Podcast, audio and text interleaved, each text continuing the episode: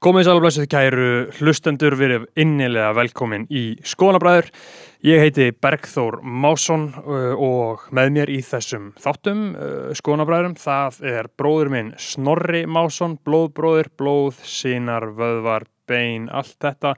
Allt þetta sama. Uh, við gefum út þessa þætti alla föstudaga alla fyrsta, hefum gert það uh, núna í hvað, eitt og halvt ár, tvö ár eitthvað svo leis, höfum ekki klikkað á því. Síðan gefum við líka út þætti á þriðjudögum.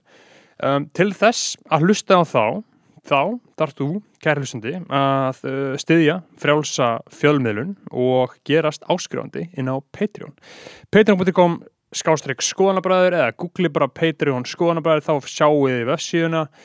Þar getur þú gerst áskrifandi, það eru þrjár leiðir, þær eru mjög hendugar og þægilegar, fimm dalir á mánu, fimm bandaríkjadalir, þá færð þú kæri hlustandi þátt í hverju einustu viku. Það sem við förum bara yfir málumni, málumni líðandi stundar og bara svona hvað sem er, hvað sem er í stuði fyrir, stundum koma gestir inn, stundum ekki, það er bara svona fyrir eftir stemmingunni.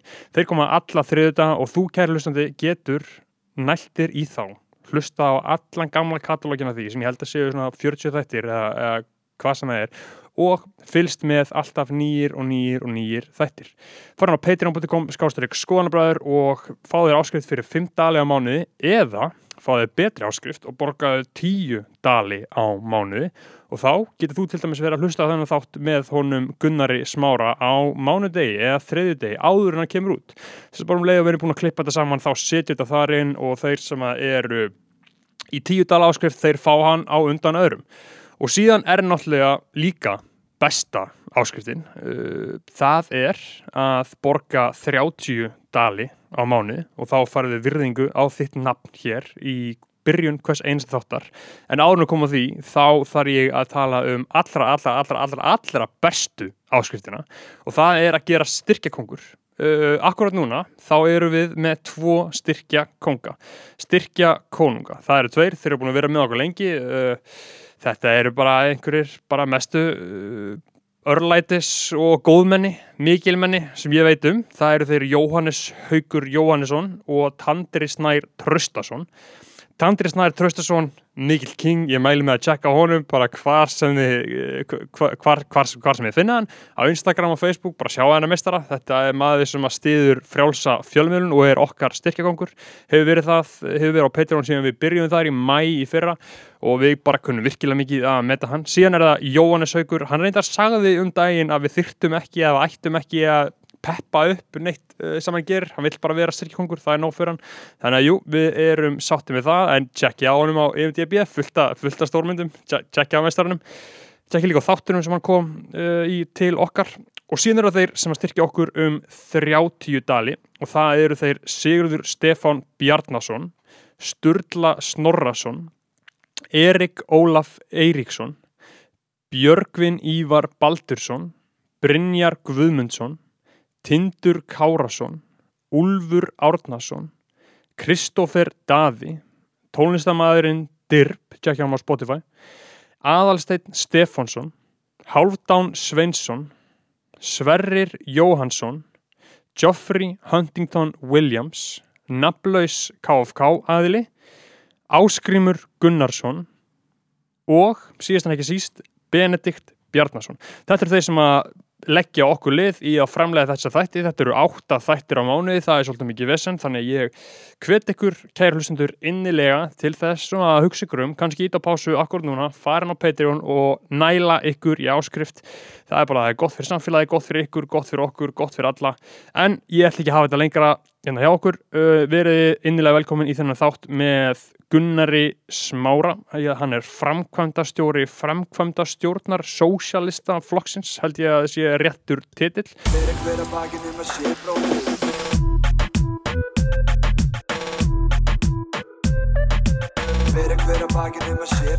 Fyrir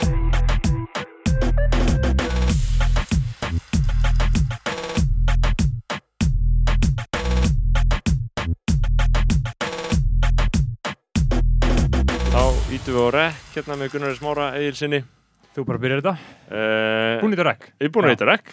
Velkomin í Skónabræður Já, þakka uh, Við erum hérna sestið niður. Uh, Við, sko, að einhverju leiti þá er, eru upptök þinnar heimsóknar hérna í að, aðra annan öðrum þræði allavega þau að við vorum alltaf að tala, við höfum talað um þig í þátturum. Ég heyrði það, ég hef ekki heyrði hlust á mikið af þáttunum, ég vonaði skammið mikið fyrir það, Nei. en ég heyrði hérna ykkur talað við Benna Já. þá, Og, og, og þá, þá, þá, þá var, var þetta orðið það mikið umtalað með þegar að gefa færi á að svara fyrir sig, sko. já, En ég vannst ekki hvað við sögðum ekki frekar Nei, fyrir daginn. Ég, ég held að nú hafi bara verið eitthvað það ekki? Já. þú veist aðalega ánaður með förstu þáttinu við rauðaborðið. Já, Já. Ég, og ég er sérstaklega ánægð með það nýjasta að fá erp inn það var, þarna, það, það var virkilega, virkilega gott sko. Já, ég held að Bergþór sé að radikaliserast í gegnum rauðanborðið, sko. Já, ég meina ég, núna þessi nýjasta áttur var mjög góður, voru að tala um Danmörku og voru að tala um rapptónlist Mikael Torfaði með, svona, hann var með fyrirlega góðar skoðanir á rapptónlist eh, fyrir gamlan mann að vera sko. Fyrir búmer. þeir, þeir, þeir eru flestir ekki með það sko, en hann var með ferst og gott take á þetta sko. Já, Næ, þetta var, þetta fjöru erpur var náttúrulega skemmtilegur, við við höfum fengið svona uh, auka gesti. Já. Maggi Skefing kom eins og niður. Já, það var, það var gott líka sko. En, en þú, þú fyrirgefur alveg tilvist svona hlaðvarp eins og þessa, ég meina þó að, þó að við séum e, e, þó við fáum fólk úr öllum eða við fáum alltaf ekki fólk úr öllum áttum sko, Nei, en, nei. en sko en því að var ekkert misbóðið þegar þú hlustaðir á þennan þátt Nei, Nei, við Benna. Nei, alls ekki. Alls ekki. Ég maður ekki að þeir hafa sett neitt slæmt um, Nei, um það er gott mig eða mína ætt eða, eða Nei. mín verk. Nei. Þarna, en er ég var mjög ánæður með að, að, að, að þú varst að hlusta svona mikið á þetta. Þú talar mjög vel um rauðaborðið á fyrstastáttin og um, um samskipti mín og Benna. Já, við varum með, það verið skemmtilega orkan á mill okkar. já, já Það sem við erum að reyna að espa hvort annan upp. En ta tala aðrir, tala aðrir, tala, tala annað fjölmjöla fólk nokkuð ítlum þig? Eða Ertu, brennur þið á því að fólk sé vond við þig? eða? Nei, held ég ekki. Nei, Nei, það frekar að, þú veist, ég hef verið oft svona notorious, þannig að, þú veist, fólk er svona hálf smegt við mig. já, Mhm. Og ef maður er þannig að fólk heldur að maður sé eitthvað svakalur, Já. að þá græður maður oft á því þegar að fólk hittir mann að þá reynist maður bara að vera venjulegum maður. Og þá segir allir, nei, hann er nú bara ágætur hans smári. já, Já. Ég, ég kannast alveg smá við þetta vandamál. Fólk heldur að ég sé tölvöld verri og leiðilegri mannski held ég en ég er, sko. Já. Og svo er maður svona, ég er ekki að segja sér góð mannskja. En í samanbörðinni við hvað fólk heldur að þá Já, kemur ég vel út, held, sko. ég held að Já, ég komi vel út úr þeim samanbyrði, sko. Þegar fólk heldur að ég sé mikill fasisti, sko, eða svona vond manneskja, bara leiðilega manneskja held ég, sko. Ég held að ég komi þannig fyrir í þessum þáttum til þeim, sko, svona almennt, sko. En að síðan í gegnum tíðina er ég búin að vera lengi í þessu að ég unni með alls konar fólki Mm. og mjög mikið af fólki aftur og aftur og aftur þannig að ég geti aldrei litið svo á að það veri litið á mig sem eitthvað erfiðan mann í, í, í samstarfi Nei. eða í samskiptum því að það er oft sama fólki sem að vinnur með manni aftur og aftur og aftur og aftur. Já, já. Um, einmitt, sko, það er gott að vera komið með, með, uh, með þau í, í þáttun. Og hvað er það að vera að tala um? Það er spurning hvað við ræðum. Já, við, við höfum að ræða um slegt. við, við, við erum svolítið vann að reyta bara á rekk og svo Já. gerist sko, en við, erum með all, all, all búin að hugsa alls konar sko. Kannski getum byrjað uh, Gunnar Smári ef þú bara aðeins fyrir hlustundu sem að uh, þekkja þig ekki þú ert, hefur verið fjölmiðlamaður lengi starfa á hinum þessum dagblöðum og verið í alls konar stússi í kringu það og árið 2017 stopnaður sjósæstaflokkin uh, og núna svona uh, allan að algoritmi minn er búin að vera að gefa mér mikið af uh, kontenti frá þér Mm. núna, búin að vera duglugur með uh, samstöðina Já, sjónvarstöð uh, með miðill einhvers konar. Er svona fjölmiðill úr Já. svona elspytustokki búin til úr Zoom uh, hérna fundar og, hérna, og hver eru svona hvað eru pælingarnar bak við það? Hvað, hvað kom til að þú stopnaðir samstöðuna? Eða ef þú stopnaðir hana einn ég, ég þekki það ekki Já, það hefur verið nokkuð sem gerum þetta. Það var hérna, þegar COVID var bara að byrja, að þá hérna voru ekki fundir eða fólk gæti ekki hist og það voru ekki ekkert á kaffihúsi og eins og þannig að við ákveðum bara að setja þetta í gang og nota Zoom-fundina og útvarpaða mm -hmm. og ég veit, það er örglega sko bara á sama tíma við um heiminn að þá bara eru fleiri að gera þetta vegna þess að þetta lás og eiginlega augum uppi að þetta verið hægt að gera þetta Mm. og, og það kemur út úr þessu svona ný tegund af, af fjölmjölum þetta er svona þetta er svona casual TV svona, þú veist uh, bara low-key TV en Mhm. þetta er líka einhvers þar á mörkunum þess að vera eiginlega fjölmjölefni og bara fundur. Já. þetta er svona, þetta er ekki á vegum sólsættarflokksins en þetta sömuleiti þá erum við að fjalla svona um efni, það er svolítið, uh, það er engum bóðið þarna sem er hinum einu, við segjum, þegar ég er að kynna þetta fyrir fólkið að segja að þessu bara geðingar, engin nazistar í þessum þáttum, Já. þannig að við erum ekki að bjóða sko auðvaldinu með. Einmitt. Og það var hugmyndin á baku það var að svona að skipti máli fyrir okkur sem erum uh, sko vind- vinstra megin við helviti að, að, að við getum talað saman og stilt okkur saman. Mhm. uh, en þetta má líka líta á þetta sem bara eins og svona litla fundi og við erum með þetta marga fundi, ekki bara rauðaborðið alla virka daga, þetta líka örkjaráðið og hina Reykjavík og aðra þætti. Og svona í gegnum COVID og samkominbanni þá höfum við verið með fundi þar sem er svona þokkarlega velsettnir salir frá því að vera bara minnsti salurinn í, í hérna Bíóparadís upp í sko borgarlíkusið eða eitthvað sem eru bara á fundum hjá okkur alla daga. Þannig að þetta, þetta er svona mitt, þannig, gagnast þannig. En það sem að mér finnst gaman sem fjölmjörnamaður er að vera með eitthvað sem að maður veit til ekkit hvað er sko. Er Sömuleiti og podcastið var mm. uppaflega, veit ekki hvað þetta er eitthvað, hvað fólk að tala um í tvo, þrjá tíma að, að þetta er eitthvað svona svipað, þetta er svona fundur slass, umræðu þáttur slass eitthvað, all, hérna, eitthvað annað Já. sem er bara fínt vegna þess að kannski Silfur Egils er náttúrulega kannski ekkit annað heldur en bara svona spjall við hérna vakstúk í eldúsi eitthvað staðar. Svo kom sjónvarpið og bara færði þetta og þetta var svolítið tilgerðarlegt og hallarslegt og allt í lagi bara skrúa það tilbaka því að allt sem er í, í fjölmilónum er til í raunverulega lífinu Já, þetta er nefnilega, það er aðtæklusverið punktur sko, en þess að ég var að horfa sjónvarpið bara síðast á, á þetta bæverska, bæverska ríkisútvarpið, þeir eru með svona, einmitt svona uh, stamtish eins og það heitir, það sem þeir setja bara þjó, einhverju þjóðverjar við borð. Og þetta er bara fimm þjóðverjar við borð að drekka bjór. Og þetta er, sa- þetta eru, einhverju rítstjórar og pólitíkusar og eitthvað svona, einhver, eitthvað áberendi fólk. En það er þægilega að horfa á þetta því þau eru raunverulega slök á því. Þetta er ekki sko, því að ef að það eiga að fara fram einhverja rólegar umræður þegar það eru tveir báðu megin í selur eigils þá verður þetta rosalega stíft og fólk er bara með tilbúið erindi líku við, ég meina eins og ég var bara að horfa þetta síðast um helgina og þá var hérna Guðrund Jónsson á móti henni hérna Ástísi Kristjánsdóttur og það, þá er þetta, þú veist, það er bara, já, já, þú mátt byrja Ástís og síðan, þú mátt segja Guðrún og síðan eitthvað rétt svo skipst á, þú veist, þetta er ekkert spjall, sko, en á meðan hérna, ef við ætlum að fara að ræða eh, sölu bankana, þá gætum við skipst á skoðunum og rætt þetta og komist að einhverjum niðurstöðum í stæðan fyrir að básúna bara okkar sjónamum, held ég, í báðar áttir. Er það ekki mitt Jú, málið? Er það ekki munurinn á þessu? það er svo áberandi að fólk er að, ekki að tala við fólki sem er að tala við heldur við einhverja ímynda áhörfundur eins og, það, eins og þú lýsir þessu, þá verður það að ávarpa áhörfundur Já, einmitt. Að við nefndum sko föstuðastáttin, þá er hann eiginlega hugsaður sem svona einmitt svona spjall bara á veitingahúsi Já. og segjum að þú, þið bara leiðist og þú sest okkar veitingahús og svo eru bara svona hressir kallar hann á borðinu við hliðin að ypa gogg eitthvað hver, hverju annan. Já, og þetta á bara að vera þannig sko, þannig að það á ekki að vera merkilega. En svo er þetta náttúrulega líka í, í, í fjölmeila umhverju sem er síbreyt lett. Þetta er náttúrulega þessu básuna þessu, gert á Facebook auðvitað, auðvitað frýtt fyrir alla en, en uh, þarna, uh, peningur í vasa Sökkaberg einhver leiti og, og það er náttúrulega eitthvað sem við erum öll að gera og eitthvað sem bara allir eru fastir Svo í. stoppuður þáttin í gær, ég var með samtalum samsæriskenningar, Já, hann kvarf allt inn úr loftinu með Já, tilkynningunum um að BBC Burmese hefði hérna kvartað yfir að þeir ættu efni í þættinum já, sem veikaði enga sens og það Einmitt. Fór og ég hefum lendi í svona. Að það var uh, þáttur sem að ég og augmundur voru með að tala um kvotakjörfið hann fór á rosalegt flug. Ég vil aldrei séð annað eins á, á Facebook. Það Mm. voru komið bara 700 deilingar eftir bara einn og hálfan tíma. Mhm. svo bara kvarfan og það er ekki séð síðan. Heldur að það sé ekki á samsæðiskenninga þetta sé að hverfa þú hann er ekki samsæðiskenningar en hvarf. Nei, það er samsæðiskenningar hvernig, við værið með kenningum af hverjum já, já, Já, já.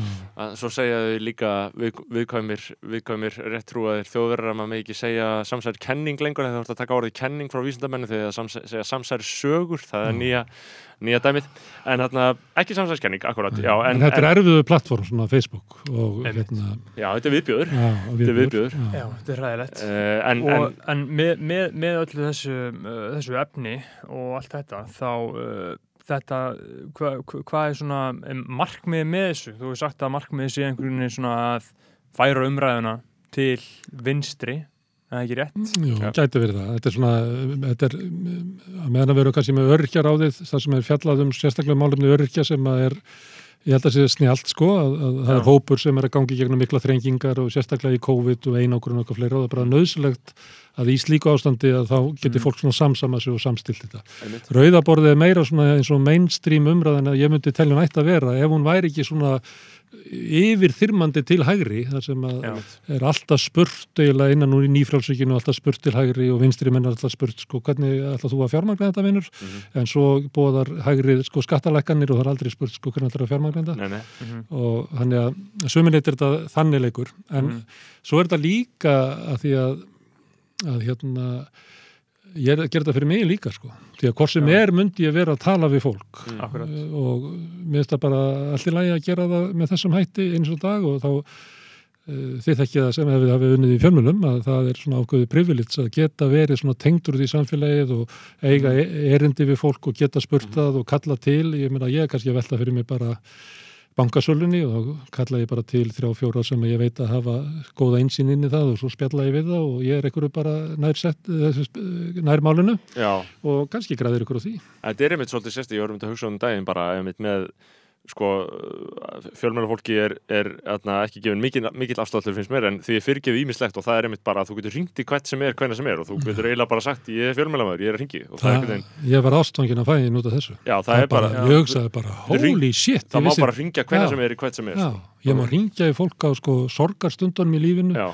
gleðistundunum ég má spörja um hvað Já. sem er þetta talaði ég er bara með líkil að borginni og svo talaði við fólk sko, sem hefur ekkert, ekki neitt gert það þessu Já. og það gæti ekki séð fyrir sér símtölu á ákveðnum tímapunktum í eitthvað fólk sko, sem er, þetta er svolítið sérstætt en að þú nefndir sko að það var stemmið að tala um þetta örgjaráðu, ég var eitthvað að tala um ég var að kæra með vinnum mínum dag og við vorum að tala um þarna, samfélkinguna og uh, fólk innan samfélkingarinnar sem talar inn í til dæmis örgjarhefinguna uh, eða sérst bara uh, hreyfinguna bara talar til fólksins þar í raun og veru ég fór að hugsa um það og þá fór ég að hugsa það enn lengra og hugsa um sko hvernig uh, vinstrið eða hvernig sko samfélkingin uh, stendur í þeim málum að þínu mati þar að segja um það að tala um raunveruleg vandamál uh, raunverulegra, raunverulegra bástatara hópa Mm. og mér langar líka sko að ég var líka hugsa, hlusta á og þetta er náttúrulega algjörlega laustengdar hérna, uh, hugmyndir komnar úr eins og áttum hjá mér en ég fór líka að hugsa um það í sam, samhengi við það sem uh,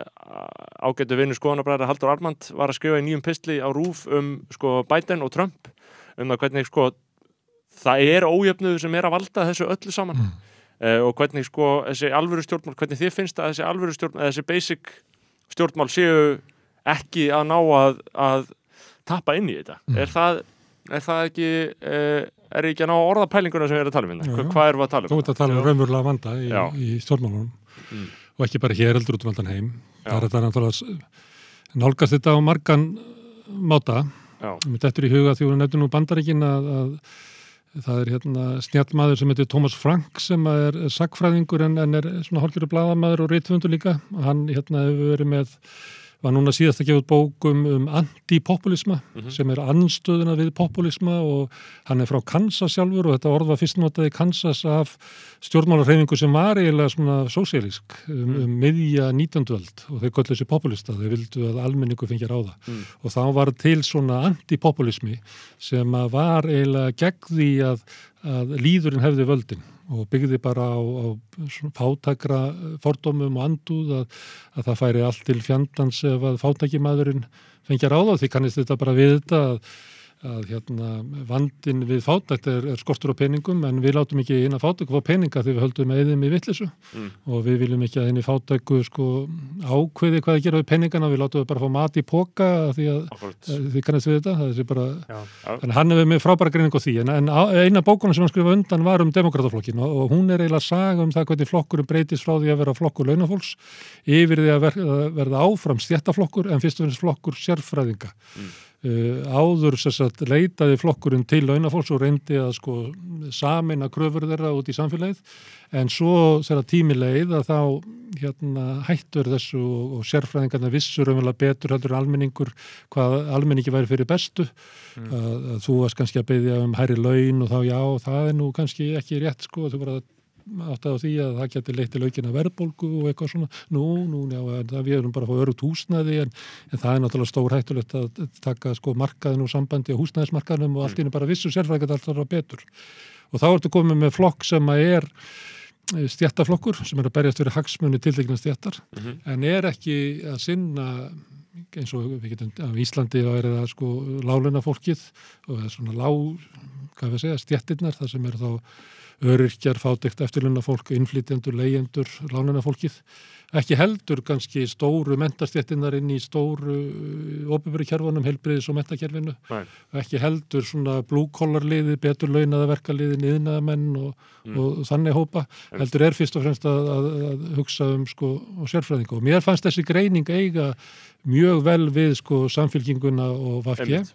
Og ég kannaði það, aðtugaði það því að til kostningaransónir Mhm. og það er hægt að, að sjá það hérna 2003 er, er samfélkingi með meira fylgi meðal ófaglærs uh, verkafólks heldur en almennt Mhm. en í síðustu kostningu var það bara eitt þriði af því þannig að þetta, þetta fólk er hægt að treysta þeim vegna þess að þau snú ekki að, að þeim sko. Að síðan segja sko, síðan segir eins og tjómis okkar maður Chomsky segir, talar uh, ítrekkað um að um, það sé demokrata, Trump sé alfarið Obama að kenna, bara algjörlega á ábyrð Obama og þannig að þannig að þú getur valdið með því að svíkja þá sem þú átt að vera að sinna, þá getur þú valdið einhverju, einhverju töluvert verra, Já. skilur bara Thatcher sagði sko hvað mesta afreg þitt var hún spurðs og þá sagði hún Tony Blair.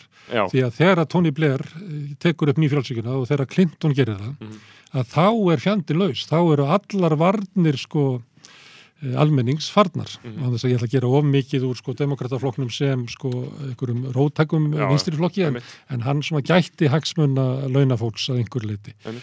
Hérna heima getur við sagt að, að 79 þá var einriða klíkan sem er Davíð Oddsson, Hannes Holmsteinn og félagar að ná tökum í sjálfstæðarflokknum og kostningastefnusgráin hérna, fyrir kostningarna 79 var leiftusók verðbólgu og þá var Svafa Gesson heitinn sem er nýláttinn og Ólafur Ragnar og fleiri svona vinstramein og þeir snýjar út úr svo kallu þetta leiftusók gegn lífskjörum Já, Já. og hann hefði dráput eiginlega Mm. en það liði ekki nema tíu ár þangað til að ASI skrifa undir þjóðasáttarsamningana sem er basically nýfrjálsíkju stefnan frá eh, tíu árum áður. Mm. Eh, Þegar að Davíð Oddsson er völdum í sjálfstæðarflokknum 91 að þá líði ekki nema 8 ár þannig að samfélkingin er stopnuð og með því er raunverulega settur punktur aftan, aftan við sósélíska baráttu verkefliðsreifingarinnar og þeirra flokka sem hún gæti af sér Mm. og kemur nýrflokkur sem klýfur þarna á milli og, og uh, tala, uh, tala sig eins og að sé orðið ný stjórnmál og ætlar að vera nýjum grunni og afneitar umlega stjættarátökunum, stjættabarátunni Mm. og gengst inn á það að sem að, svo ég veitna aftur í þatsir, að það sé engin annar valkostur við nýfrálsíkuna og ef við ætlum að heia stjórnmálabaratu þá verðum við bara að beigja okkur undir það. Já. Þannig að það eru þessi augnablík sem að uh, sigurinn vinst fyrir hægrið þegar að vinstrið raunverulega tekur upp þeirra stefnu. Ég, ég verð svolítið þunglítið við þetta Já, en að því uh, þú, þú, þú líka skrifaði pistil um daginn, var það ekki það sem þú talaður um að Íslendingar væru, ég man ekki alveg megin inntaki í honum eitthvað, en Íslendingar væru uh, upp til hópa vinstisinnaðir, Já. en það endurspeglaðist ekki í hvernig fólk kýs, eða ekki? Jú, Út af hvernig sjálfstæðsflokkurinn viðreist og miðflokkurinn dreifist eitthvað. e, sko þá erum við með þarna þess að ég var að tala um samfélgingunum vafki, þá erum við að tala um fórustuflokkana en þetta eru flokkar sem áfram ger út á vinstri sinnaða kjósendur. Mhm. og sömuleyti höfðu vinstri sinnaða kjósendur ekkert annað að fara. Og ef við sam, framsonaflokkurinn þeir eru svo ungir að þeir náttúrulega lítið á sem pjúra hægri flokk en í grunninn er þetta flokkur sam, stjórnmálarmur samvinnurhefingarinnar sem er bara sósialísk í framkvæmt búa til samvinnufélög og, og power to the people að við Mhm. tökum yfir e, atvinnulífið að verslun eh, í félagi. Það náttúrulega gerðist miklu fyrr að, að, að það klíkuvættist allt saman og að sömuleiti var fransunaflokkurinn að þjónaði komissurónum í sambandinu og svo leið tíminn og, og sambandi hrundi að þá þjónaði fransunaflokkurinn þeim ólíkorkum sem að stálu eignum hérna já, en inn í kjósetabasa fransunaflokksins er eftir sem áður fólk sem að er samvinnu uh, sinna Mhm. inn í og meðal pírata þótt að flokkurinn sé í grunninn til sko nýfrálsíkjuflokkur eiginlega eh, svona, og margir kannski af þingmönunum eru þeim megin, svolítið hægra megin Mm. að þá held ég að stopnin á kjósetunum sem við félagslega, Jón Þór Ólafsson benti á það við rauðaborðið eitthvað tíman að, að stefn, að þegar var í kosu um stefninu hefur píratum og af því að Íslendingar væru félagshyggju fólk upp til hópa, að þá yrði stefna píratan alltaf félagshyggju stefna. Já. Og þannig að það eru kjósendunir eru annað já, já. og við getum aðtuga það hvernig það byrtist. Það hefur alltaf verið þannig í forstakostningum að vinstri sinnaðasti frambjóðandinn vinnur, hvort sem að er Kristján eða Vigdís eða Ólafur Ragnar út af þessu, af því að, að, að kjósutur eru meira til vinstri og við sjáum það líka í svona könnunum, viltu ebla og uppebber þeilbríðiskerfi 70% já, Já. viltu nýja stjórnarskrá 70% já, uh, viltu taka kótan af veist 90% já, já, já. og það er eiginlega, en svo erum við með stjórnvöld og stjórnmála eh, menningu eða eh, stjætt sem að stýrir alltaf til hægri sko. Það er svolítið merkilegt, en þá hlýtur hún að vera hansi klók. Ég meina, ef, það, það, ef, ef, ef, ef þetta er rétt, sem ég, ég, ég tek alveg undir þessu sjónum, mér, finnst þetta mega sens, en ég meina, hvernig í fjandanum getur ekki bara, ef maður spyr sig, þú veist, þá hlýtur það þá ekki að vera gallakerfi sem uh, misteksta endurspegla viljanda kjósunda. Uh, Já, við erum með stjórnmálafólk sem trúir ekki að líðurinn er að það. já, Mér varst hann hérna, eh, hérna, Cornel West, Mm. þegar hann hérna orðaði þetta ágætlega þegar hann var að gaggrina Obama fyrst og mikill hérna leiðtói svartra West og gaggrinni hans Obama mjög merkileg. Og þegar hann byrjaði að skamma Obama þá sagði hann að fyrir kostningar þá snérur þeirra kjósutum og seldur þeim von. Mm. Strax eftir kostningar þá snérur þeirra að þínu raunverulega kjördæmi sem er Wall Street og byrjar að þjóna þeim. Mhm. Og að sumuleiti er þetta svona grimt sko, að, já. Að, að þetta er leikrit sem er settur á svið fyrir kostningar að, að stjórnmála fólki lætur eins og að sé að hérna fara að þjóna ykkur eða, eða, eða bjóðast til þess að þjóna ykkur. Svo leið og mér finnst þetta til þess í, kostningasjóarpinu 2017 vera mjög skýrt Mhm. þegar það var búið að loka kjörstöðum og þau voru sest inn í sjónvarsal þá bara uh, var allt annað hljóð í Katrínu og Bjarna einmitt. og ég var alltaf samfærður um að þessi stjórn hefði verið ákveðið með tölvöru fyrirvara og mér fannst að vera staðfesting tónin í þeim að þá var eiginlega svona bara að klappa höndunum og satt í æja og nú fyrir við að vinna úr þessu á okkar sviði þá er sérst, það sem er verið að tala til almennings er eitthvað svona auka, já, Já. en núna er byrjað strákar, nú krakkar, nú er byrjað raunveruleikin Mm. og nú hættum við öllum svona draumórum og ykkur vitleysu að halda sig þetta stjórn eins og líðurum vill og nú verðum við að finna hérna praktísku lausnir. En ég Já. hugsa sko það er frekar auðvelt að fá fólk til að treysta sér held ég, ég meina að því að ég var tæmis bara, svo ég veitni í allra senasta skipti eitthvað þýst, ég bara var að horfa á þýska sjónvarpið í kær þá var verið að kjósa nýjan formann þar í kristilugum demokratum, Armin Lasset heitir hann, sem er bara svona rosalega viðkunnalegur uh, þægilegur uh, for, forsættisáður eins hér að sinns hann í Nordvæn Vestfalen. Uh, algjör miðjumóðs uh, kristilega demokratakall, hann er bara svona eitthvað áframhalda Merkel, hann er lofað sem áframhalda Merkel.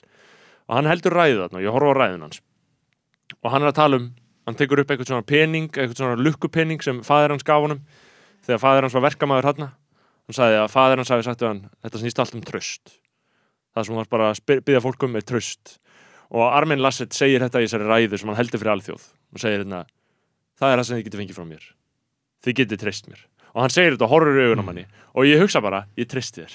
Ég treysti þér, taktu atkvæðið mitt uh, kristilegi, de, kristilegi demokrati sem er fyrir hlustendur uh, þeirra þjóðverða sjálfstæðisflokkur svona aðeins kannski mildari stór þjóðarflokkur, stór mildur sjálfstæðisflokkur Gamli góði sjálfstæðarflokkur myndu styrmir og gömlu kallanir í Já, sjálfstæðarflokkur að segja. Þe, þeir elskaði, elskuði hann Konrad Adenauer sem endurreist í Þískaland með þessum últra svona Mm. markaskapitalisma og það, það, það er þessi flokkur sem náði þessu þíska efnaðs undir eins og, eins og Hannes Holmsteinn dás, dásamar á hverjum degi á Facebook en þetta er, en ég sem er svona venjulega sko, uh, tölvöld meira allir vinstri get samt hort á þetta og ég fer bara inn í blekkingur og hugsa bara ég, ég bara elska þetta, ég elska hennar gaur sem er að segja mér að ég geti treyst hún Mm.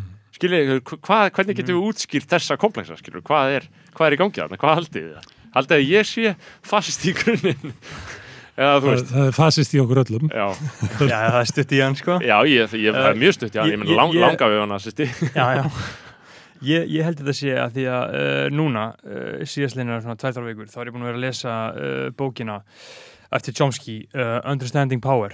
Svona sem sagt bók sem er tekin saman einhverju tveir, þrýr professorar fræðimenn sem að tóku saman fyrirlestar sem hann heldur og umræður. Mhm. umræður, bara hann, þetta er svona svolítið svona greatest hits, bara sem hann hefur sagt í gegnum tíðina, hún kemur út árið 98, eitthvað svona þetta er fyrir 9-11, hún kemur út stuttu fyrir 9-11 og bara hver einasti kabli og hver einasta setning í henni Mhm. er bara, þú veist, maður fær bara smá kipp í hjartað ég er, ég er að lesa þetta með hjartslott því hann er bara svona að Hvað er hann að ex- segja? hann er bara að expósa all, öll samsæri heimsins.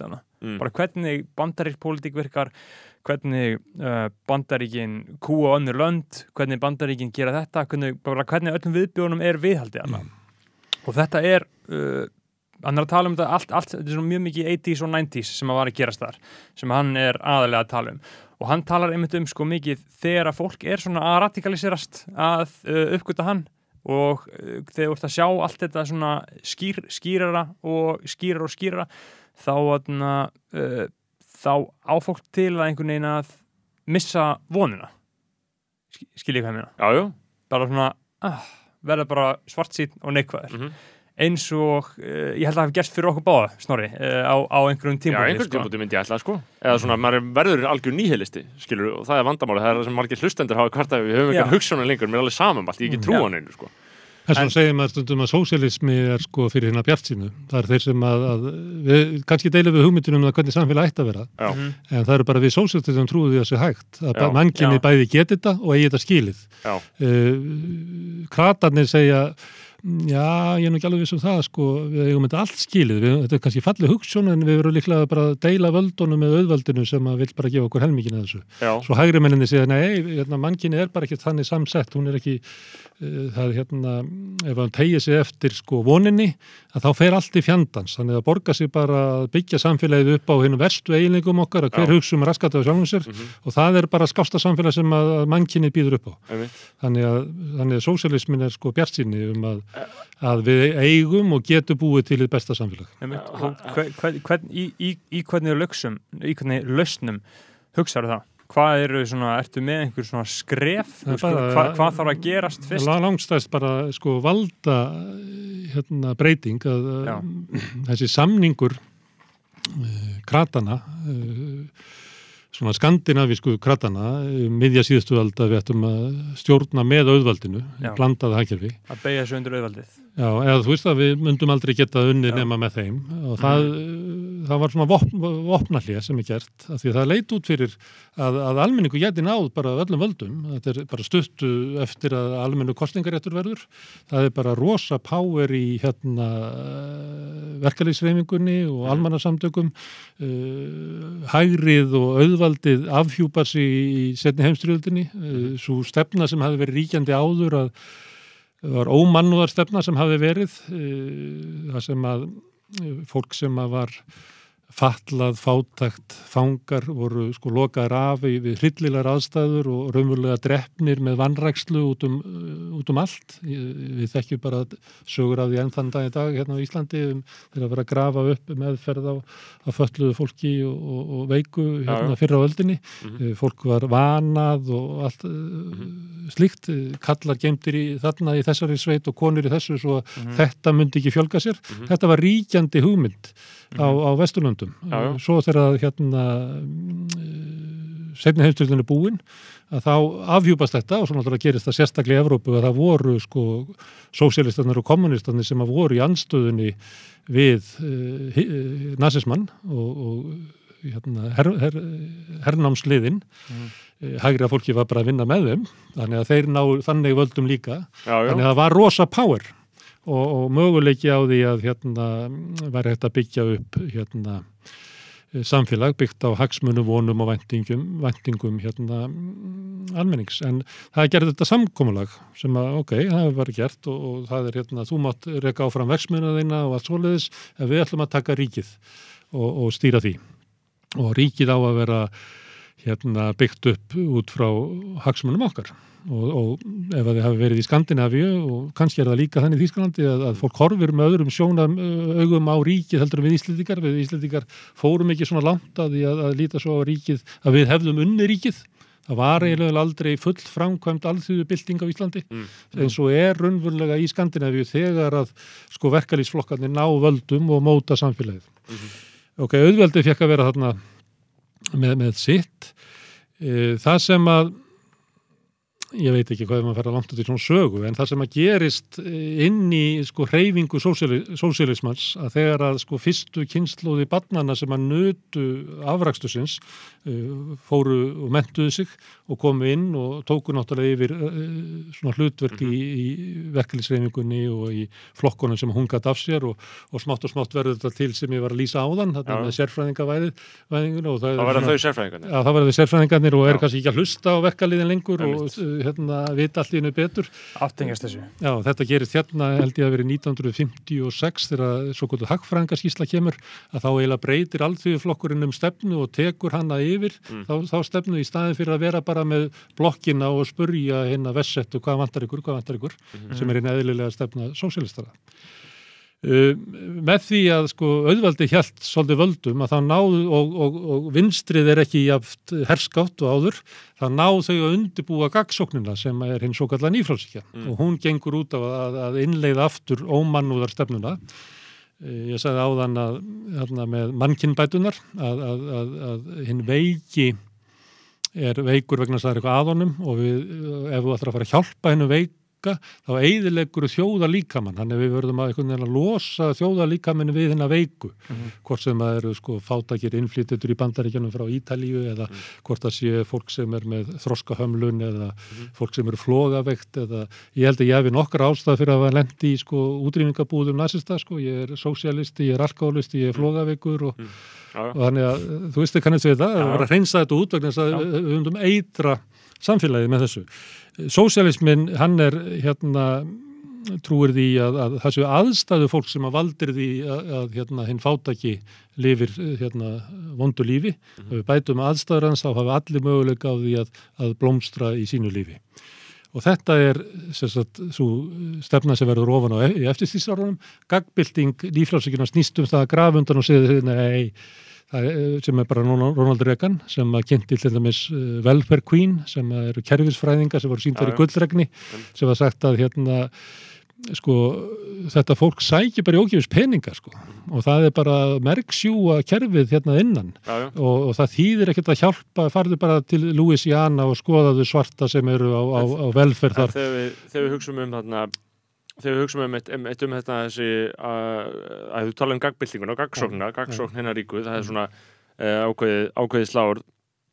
Um, hvað segir þá við því þegar fólk segir svona þegar það er að reyna að róa uh, ykkur sósælistana og segir sko að þau vil ekki sjá þetta í þessum átökum? Og það er náttúrulega klassíst að segjast ekki vilja sjá þetta í svona átökum. Mm. að þetta sé í raun og veru ekki stjætta bara þetta heldur já, eitthvað annað, einhvers konar samvinnuverkefni ég meina, hvað er það kúuna taktík bara að segja þetta, eða er þetta bara einhvers konar líði sem fólk trúir raunverulega að, eða hva, hva, hvernig lítur á það? Að fólk trúið í raunverulega að allir í þessu húsfélagi hafi samilögu hagsmunni eitthvað þannig sko. það er ekki þannig og ég veit að þetta pyrrar marga svona í millist þetta fólk að Mm. horfa á stjórnmálinn þar sem er verið að rífast og svona ég held að þetta fæli marga frá, eða pyrri, pyrri já, sko, já. og þá segir fólk byttu, akkur talar þetta ekki bara fólk saman eins og venjulegt fólk akkur er það með þessa ásakanir og, og allt þetta já, En þá er fólk að gera ráð fyrir að það hafa allir svona samíla hagsmunni eins og er í húsfélagi þar sem allir eru eiginlega í jafnstórum íbúðum Mhm. en uh, þjóðfélagi er ekki þannig blokk sko. Þjóð, hún er þannig að það á ykkur sko allar hæðirnar alveg frá hæð 7 og upp í 77 Mhm. og, og svo er hellinga fólki sem bara býr í kjallarunum, það er hellinga fólki sem má ekki mæta á, á, á húsfundin vegna þess að það er inn, hérna, innflytjendur og ekki með kostingarétt og það er alls konar svona og Einmitt. margt sem er tekin ákvörðun um það hvernig eigi að vera í húsin okkar að, að hérna, sorpreisunum er betri á öðrum og, og þar með til göttunum. Þannig að auðvitað eru átök í, í samfélaginu vegna þess að það hérna, eru ólíkir hagsmunir já, og svo er það líka þannig ef á að skamma sósjalistana fyrir að vera með átökin þá eru náttúrulega upphafs mennindir af átökunum eru hinn ríku mm, sem að berjast sko miskunarlaust fyrir sínum hagsmunum, reka hér öflugar e, áróðusmaskinur, eiga fjölmila. E, ég hef sagt það núna svona í aðranda þessu kostningum að mér finnist að, að f- fulltrúar úr fórustu sveit verkefnisreifingarna eigi að setjast á þing, meðal annars vegna þess að hinir eru inn á þingi. mm, auðvaldið hefur dreigið stjættar átökin inn á þing en bara hérna, almenningur eru hættur að mæta sko. já, já Já. Já, ég, ég væri til að sjá verkalýs fóringja enn á þingi, sko. Mér finnst þetta bara gaman og eðlilegt. Hefur það aldrei verið gert það? Jú, það var þannig. En það bara Já. hann hætti. Ögmundur Jónasson er svo síðasti Já, hann var hérna, held ég mann ekki hvernig var kosin, 95 kannski Mhm. og þá hérna allþjóðu bandalagið og óháður Mm. og, og hann var, fór inn á þing og svo var hann endur kjörinn sem formaður BSB og satt þar mm. fram að hruni held ég Mm. og það var ekki, eftir, ekki fyrir eftir hann hætti að þá fór hann og varð hérna Ráðherra. en á með að því að þetta er svona sérstætt hlutverk að vera formaður BSB inn á þingi Mm. Og þar áður varstu með Gwendi Aka og, og þá voru allir fórsetar alþjóðsabassins fram að ásmundi Stefánssoni sem að tók við held ég manni eitthvað tíma 1980 Mm. sem að voru inn á þingi. Uh, ég meina formenn eh, dagsbrúnar alveg fram að Guðbjörn Jaka held ég. En ef við hugsaum um, en ef við hugsaum um einmitt þessa tilneyingu mína sem ég er að tala um á hann að horfa á uh, hæ, svona hæri auðvalds uh, King tala uh, um tröst í myndavæluna og að finna þessa tilfinningu sem ég fann um að þetta væri bara notalega sefjandi og bara, maður ætti bara að taka þátt í þessu er það, ég minna, og sérstaklega fyrir hlustendur um, er, og þeir, þeir sem er í, að ég veit að það eru margir sem örgulega finna þessa vondu tilfinningu að sko maður, maður hafi einhverja tilnefningu, já, þetta er eins og að hugsa sko að sé eins og að hugsa hérna COVID-kreppunni í byrjun að sé kannski bara fínt að Bjarni Ben sem í fjármálinn, einmitt núna. Þegar það er eitthvað krísa, það er, bú, það er búið að heila þótturinn er búin að koma, hann, hann er svo góður í okkur, er svo öflugur að, að leifa honum að sefja sig, er það stærsti glæpurinn, er það, uh, er það stóra vandamálið að, að fólk gerir það eða hvað? það er náttúrulega að selja þér þá hugmynd að stjórnmáli snúist um það að þú er að kjósa þér kúara, getur við sagt, eða eitthvað til þess að stjórna Mhm. að stjórnmáli séu ekki sko virk þáttaka almennings Mm. í samfélaginu, ekki bara í stjórnmálaflokkonum, heldur líka bara í stjórnmálum götunar, í mótmálum öðru, í þáttöku í verkefliðsfélögum, í, í leyendasamtökum, í örkjabandalaginu og virk þáttaka. Þannig væri sko upplugt líðræði samfélag byggt upp Mhm. í hverfisfélög og, og með virkri þáttöku. En eitt, eitt, af gagbyltingar hérna tækjónum innan ríku var að draga úr trú fólks á líðræðslega kerfið og, og bæði og líka á þá sem að buðu sér fram til þjónustu. Það var sagt sko Já, það getur vel verið að, að forma verkefælisfélagsins sé að halda því fram við þig að hann sé að vinna fyrir þig en hann er ekkert að því sko, hann er bara hugsa raskat sjálfum sér Mhm. og opibyrri starfsmæðurinn, stjórnmálamæðurinn og eitthvað fleira og, og kerfisbundið er unnið raunverulega gegn uh, virkri þáttöku og líka bara stjórnmála eða líðræðis vettvanginum að ákvarðanir sem eru teknir inn á þingi séu automatist rángar og litar á skringilum hagsmunum. En ef við flytjum ákvarðin út á markaðin að þá séu það einhvern veginn teknar af, af, af, af meiri skinnsemi þar sem út flytur ákvarðina frá líðræðisvettvanginum þar sem hver maður hefur eitt atkvæði yfir á markaðin þar sem hver króna hefur eitt atkvæði og hún er ríku bara að ráða að það sé í sjálfum sér eins og síðleg aðgerð vegna þess að stjórnmálin, líðræðisvettvangurinn sem er eina valdi sem að við höfum sem almenningur á móti auðvaldinu sé einhvern veginn skítugt og smátt og smátt er bara grafið undan svona Já. virkri þáttöku og svo endar það þannig að þú situr og ert að horfa á, á, þíska sjóarpið og orðin eiginlega sannfarið um það að vald þitt sér um vel ekkert annað en heldur að velja svona skikkanlegan mann sem að hefur svona góða skaphöfn, eh, talar og vittnar í föðu sinn mm og hérna er, Já, já, er kannski í vesti og mm akkurat rétt vel greittur og, Mhm. og ve- með vel hirtar tennur. Ég held að það En- sé að þessu stjórnmál snúast um fyrir mjög marga á Íslandi. Það Það- er bara að velja já, svona ágætlega álitlega mannesku. með einhver svona bullshit sögur eins og hann að uh, legasaðan hann Kamila Harris hann að hann hafi verið á mótmálunum uh, Já, með frítóm eitthvað. já, já, að fyrstu orðan hann hafi verið freedom eitthvað svona, oh, svona hræðilega klísu sögur sem er bara virka En það virka. Og Virka fólk. Og fólk segir alltaf líka, ég vera, ég, bara svona, í kískötu, í treysti kötu, í kískötu. Það, svona, mað, Mm. það fær svona tröst á fólki um að það sé eitthvað svona bærilegt sem bærist innra með þessu, þessum til, þessari tilteknum Já. mannesku. Þannig ég gefi henni atkvæðum.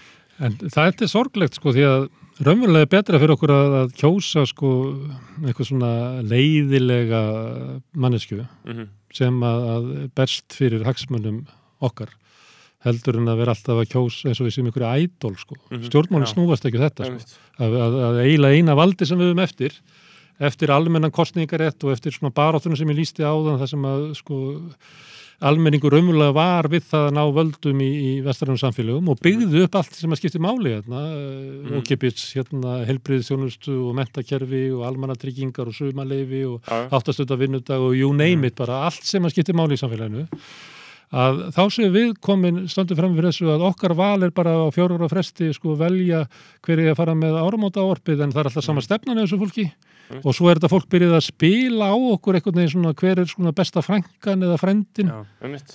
þú veist. Það, það, það verður mjög áhvert að sjá sko þessa uh, þróun á Íslandi með uh, Instagram og Twitter og öllum þessum miðlum eins og er að gerast í uh, bandaríkinum með AOC og Alexandriu og Salio Mm. Cortez og The Squad og þær allar uh, stelpunar þær svona ruttu sér til rúms á samfélagsmiðlum og fengu all, all, allan sinn fylgjendahóp þar og þannig, þannig komast þetta í valda í þinginu og allt svona. Og síðan uh, las ég góða grein, ég man ekki alveg hvað það var það sem að sko þær eh, voru gaggrindar fyrir einhverja ákvörunum um daginn að gjósa eitthvað Nancy Pelosi inn einhverstaðar og þá verða þær mjög vonsviknar út í sagt, fylgjendahópsinn fyrir að svíverða sig að þær, þá eru þær svona svolítið þá er svona samfélagi svolítið að fara að hugsa um þær sem svona cel celebrity sem svona áhrifavald Mm. og þá myndast svona stankultúr í rauninni kringum þessa pólitísku fígur í staðin fyrir að hugsa um það sem bara þingmenn þar sem þú mátt bara svíverðan bara þú átt að eiga rétt að því Já. uh, þetta er svona fínt dæmi um hvernig þróunin getur orðið þegar að uh, pólitíkusönnir eru orðnir aðeins svona eitthvað annað en klassískir þingmenn þegar að þeir eru orðnir sinn einn fjölmiðl og Á- Áslaug Arna er rosalega Arnar taktísk- er, er á leiðinni í þetta með, sko. taktísk með Instagram og hún er endalaust það er, það er eins og hún setjast niður og skipulegi vikuna á Instagram, það eru viðburðir skoðanakannanir, beinar útsendingar Mm. uh, þáttaka sérst, fylgjenda uh, þetta er- verðist alveg útöksað hjá henni þannig að það er mjög aðtillisvægt að fylgjast með því sko, og, og auðvitað náttúrulega líka svolítið bara dystopist og margtrækjent en, en það er alltaf önnur saga sko. En, uh, en, ég veit ekki hvernig það þróast sko. Já, en síðan Ég er alltaf hættu við svona persónudyrkun í, stjórnmálum, Mm. svona eins og með Sanders og Corbyn og, já, og AOC og Mm. þetta, er, þetta er hættulegt sko, vegna þess að sko reyfingin á að vera miklu sterkar og breyðar heldur en þetta sko, á að þóla að hafa margar rattir því að sko, við erum breyskar manneskjur og það er svolítið hættulegt að veðja á að allt í einu og svo líka ef við erum alltaf að leita að henni reynu góðu mannesku þá endur við náttúrulega bara með mhm, e, skólastúlku í Svíþjóð sem er eiginlega eina sem er nógu reyn til þess að geta borið fram sko kröfur okkar í lofslagsmálum já, Já. af því að meiri sig að sko vísildamenn sem hafa helgað ævina sína í þetta eru einhvern veginn og óreinir og já. það gæti verið að þeir hefðu verið eitthvað gert eitthvað um eitthvað einhvern tímann En maður spyr sig mitt sko uh, uh, hvort þetta sé samt ekki bara einhvers konar náttúruleg tilnefing hjá okkur að vilja bara fólk og manneskjur og treysta fólki og manneskjur en Jú. ekki hreyfingu það er svona valda afsal sko þá Já. eh, ég nenni ekki að hugsa um stjórnmál Já, og ég segi bara, herðu, ert þú ekki bara til í að hérna, finna út úr þessu og þú gerir Mhm. þetta alla daga, sko, það er ekki bara þessi þjóðveri sem að þú fólks tröstið, heldur alls konar lið sem er að Mhm. selja þér alls konar græjur og tæki og bíla og, Mhm. og hérna eh, eitthvað lið sem er elda eitthvað í sjónvarpinu og maður er alltaf að að kaupa vegna þess að við getum bara ekki sett okkur inn í hvað sem er bara útvista, Já, útvista já, já. hl- hluta lífsins Já, þetta, þetta er stór hættulegt eins og í, hérna, þannig ég vitna aftur í hérna, Chomsky bókina sem ég var að lesa, þá var hann spurður uh, hver eru heitin einar og þá var ég að hugsa, já, ef ég spurði hver heitin mína, þá fer ég, fer ég strax bara að hugsa bara eitthvað Tupac, Larry David, þú veist, Kanye og bara eitthvað, eitthvað svona fígúrur og hann sagði bara, mm, já, heituna mínar um, það er hérna mm, fólki sem að var að skipulegja mótmælin í hérna, Arkansas hérna, árið Einhverja 1965 og síðan samvinnurhreyfingin hérna, móti. Vietnamstríðinu og þú veist, bara eitthvað svona. Og, og sem er líka málið vegna þess að mannskeppnan ef við komum okkur núna út úr nýfrálsíkinni að, að trúa því að, sko, að við um að vera með svona einstaklingstíknun og trúa einstaklingin það sem er fallegt við manneskjuna er samvinnan sko. Er Mhm. það sem við getum búið til sem að hópur á mill okkar? Og ég finna þótt að maður sé að taka dæmi það sem að þið látið söluminn að selja ykkur eitthvað að þá hafi líka lent í því að setja inn í ykkur herbergi og er ykkur svona samtali og allt nú verður til eitthvað svona á mill okkar svona eitthvað svona viss, eh, hérna, vissa eða jafnvel eitthvað sem við höfum ekki átt á okkur áður eða þú veist hvernig er hérna líður okkur best, það er þegar við erum í ykkur svona félagi, hvað eru stórkoslu af, afreikin á Íslandi, bestu afreikin í Íslandi er kannski hitavitan þú veist, var eitthvað sem að samdi hana eða gerði hana, nei, það var byggt upp á kynsluðunum, það er hérna Já. verkalýsbaráttan sem að skilaði sér í þessu þetta er bara tjómskið er bara uh, gáfaða maður, hann er náttúrulega búin að vera væsold menn í sko 30-40 ár, hann er, vera, hann er svo gamall, hann er komin á eitthvað sko annar stig. Já, hann er núna komin á allt annað stík og al, alveg jafn skýr hann fer, það er eins og hann sé í YouTube viðtal á dag sko. það, það, Já. það er bara magna hvað hann fer í mikið af viðtalum og Já, sko, ég meina hann er- við, við getum sendt honum e-mail núna í kvöld eftir Já. þátt og Já. fengið fengi svar á morgun sko. Já, já. en, En hann er hins vegar er orðið svolítið gamall, af Já, því já. að núna Ní- hann, 92. getur ekki, já, hann getur ekki haldið sko erindi lengur. Nei. nei, En hann hann er að gera það með því að hann fær eitthvað til þess að spurja sig já, sem á að veri því að halda þræðinum og Já, já. uppbyggingunni nema hann sé bara í svona rosalegri framleiðslu að hann veit að hann getur auðsið þessu öll upp úr sér Einmitt. en það að struktúra þetta, semji þetta og svona, það er bara Já. alltaf mikil tími annarkvort, eða þá að hann er búin að missa sko þreki til þess að gera það sko. Mm, það er náttúrulega ekkert sem er tímafrekar á leiðilegra og djöfulegra en að semja eitthvað almennlegt sko. við þekkjum Já. það sem við erum podcastarar þetta er þú veist, Já. það er, maður vill helst bara byrja að koma inn undir Já. ekk og það er eiginlega sko hræðilegt að hafa uppgötað hvað er hægt að, að ég, mér finnst það alltaf pródútið, podcast pródútið ég sjálfur ekkert sérstaklega mikill aðdáðandi þess af því að ég vil frekar hlusta okkar sami af því ég veit að það er betra Mm. uh, en sjálfur hef ég náttúrulega nýtt þess mjög mikið að við getum bara komið inn í þetta rekka því ég þekki hvernig það er að þurfa að skrifa eitthvað og það er viðbjöður Já. ógeslegt að skrifa langa grein búin að taka langt viðtal ógeslegt að skrifa, ég myndi aldrei neina að skrifa langt viðtal svona, eða svona því ég hugsa út í það núna sko. Þetta er þannig, þú- ég, ég var lengi í blöðunum og það Já. var alltaf þannig að ef ykkur fór yfir í útvarp eða sjónvarp þá kom hann aldrei aftur Nei, og ástæðan er þessi sko, að, að það er svo mikið djöfulsir skítmokstur að vera á blöðunum og vera að semja allar en helvítið staksta það er viðbjöðslega mikill texti sko. uh, en það er það sem er mikilvægt fyrir sögubækurnar sko. það er það sem googlast eftir 20 ár sko.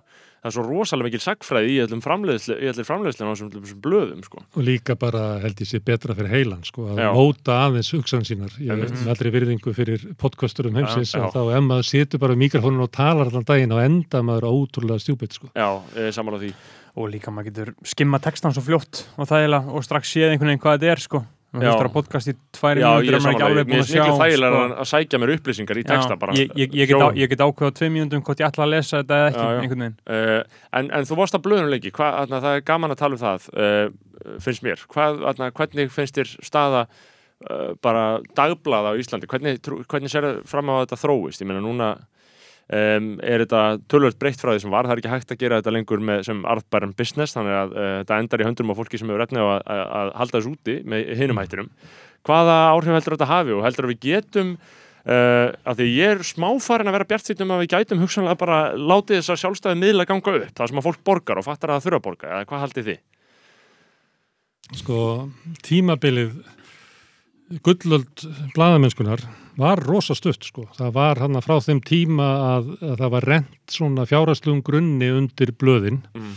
og svo sjónvarp og útvarp og sem Bara að að tala um byggð- 90 til 2000 eða hvað þannig? Nei, kannski í Íslandi þá er það kannski dagblæðið sem er stopnað 74 Mm. sem er eiginlega svona fyrsta kemur inn í þetta, svo kemur svona helgapóstur og svo bylgjan og stöð 2 Mm.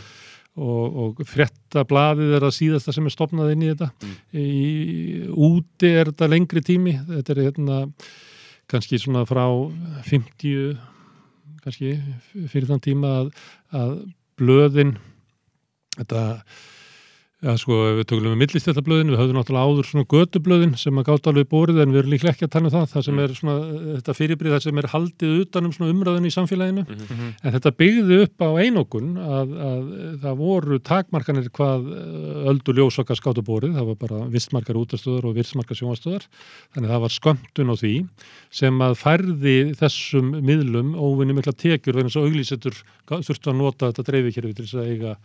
vegna svo auglýsetur þurftu að nota þetta dreifikerfi til þess að eiga mm í samskiptu við, við sína viðskiptamenn og blöðin eru í eðli sínu einanguna business og þau bara geti farið yfir landakortu og séð að það er alltaf eitt stórt blað á hverju svæði og ástæðan er svo að, að sá sem er fyrstur að byggja upp uh, dreifikerfi sem er hagkvæmt ef að ég fer í þú veist, þriðja hvert hús en þú þarf að fara í áttunda hvert hús Mm. þá er það bara svo mikill samkernismunur Mm. að, að ég get raunverulega selt uh, blaðið ódýrara, ég fæ með miklu meira auðlýsingar Mhm. og get selt blaðið ódýrara til kunna, kunnana þannig að þú nærð mér aldrei sko. þannig, að, og þannig verður þessum er, afton postin í, í Oslo og, og Washington Post í, í Washington sem að Washington Post á allt í að mm vikublöðin og fríblöðin og allt rastlið þannig að þetta urðu til hérna, öflugar sko fjárhagslegar eh, maskinur og ofan á þetta var sett hérna almanna þjónusta og þetta gerist á þessu tímabili, þarna eftirsýstar á tímabilinu þegar það er svona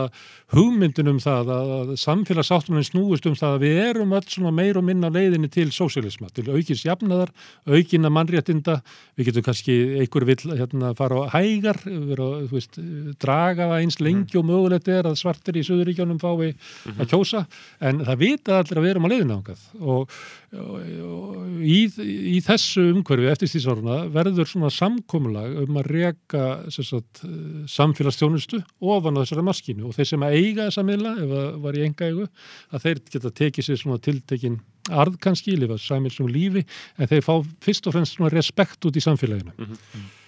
Og þetta var svona einn ídeal hérna bladútgefandi. Og hérna svona hápunkturinn á þessu er eiginlega ekkert fyrir en svona bara uh, sjönda og áttunda áratögnum sko, mm. þar sem að þetta er. Og en svo fellur hérna, maskinan undan þessu með hérna í sjónvarpi þegar kapallin kemur, kemur hægt og rólega að byrja að gera það. Uh, svo þegar neti kemur að þá bara skrúast mjög á þessu og þetta er fallið. Og mér finnst að ég hafi bara ég fekk að kíkja hann aðeins inn en ég áttaði mig á því bara í, í runinu að svona þetta tímabil var búið. Ég pröfaði að fara inn í fréttatíman aðeins aftur, reyna að, að, að hérna læsa svona vandan sem að það blada var í það var hérna gefið einu sinni viku og var bara á nulli og það var alltaf minn og minni peningu til að reyka frétta hérna Já, já. stofuna þannig að það var tilhörn til þess að fjölga útgáfutugunum og fara bara inn á svæðið það sem eru mest á auðlýsingunum á 50 degi, 1. degi og laugadegi að það myndi hjálpa okkur til þess að að borga aðeins betra betri laun og, og fleiri starfsmannum til þess að búa Mhm. til aðeins betra efni sem að myndi þýða það að við gætum hugsalega unnið efnislega samkynni við fréttablaði þó að þeir hefðu komið inn á undan og það var svona tilhörn til þess að gera það en, að, en í grunninn vissi ég alveg að sko þessi tími var umvel að liðin og, og kæmi aldrei aftur og ef hann var liðin fyrir fimm árum þá var, þá var hann sannlega liðin Já. núna, Já, núna. Mhm. Já. ég meina, og, og, og, og þetta, þessi pæling er bara hrunin Já, er það, þetta er ekki búið lengur Nei. og þá segir maður, ok þá er bara búið að splæsa okkur aftur á 19. öld þú veist, ég, ég stunda bladamennsku alla daga á Facebook og í Rauðaborðinu og eitthvað fleiri en ég gerði það eins og Einar Ben og, og menn gerðu hérna Jón Ólafsson og fleiri, ég er með bladamennsku sem tæki en er í ákveðnum sko samfélagslegum tilgangi. Ég er ekki í þessu svona almanna þjónustunni sem að var sett ofan á, á maskinuna sem voru að lýsa á þann heldur er ég bara í, í mission og bladamennskan og Orvel og fleiri góði bladamenn hafa stundar svolítið bladamennsku það er ekki þannig að það sé bara einhverju svona óháðir bandaríski bladamenn sem séu góði bladamenn, margir af bestu bladamennunum eru bara harðir sósialistar og, og ráku bara sína bladamennsku í, í barátunni ég fyrir var fengina. einmitt að, ég var einmitt að hugsa um það sko, eh, um svona einmitt að því að um, markas grundvöllurinn er hrunin fyrir því sem við höfum aðlist upp við að sé fréttamennska og blagamennska, Mm. það, það, það liggur fyrir Mhm. eh, þannig að um, þá er það annarkort skilur að búa allir nýjan markarsgrundvöld eða þá einmitt að vera bara í einhvers konar hugssjónastar sem er í kringum þetta, sem er náttúrulega líka og geta hugsanlega þá redda sér launum eða eitthvað, en þá fór ég að hugsa bara, þú veist, einmitt ef maður fer að bera það saman sögulega, hvað þetta þýðir, þá fer við bara að hugsa um sko Jónas Hallgrímsson og Konráð og félag þegar voru að gefa út fjölni, Mm.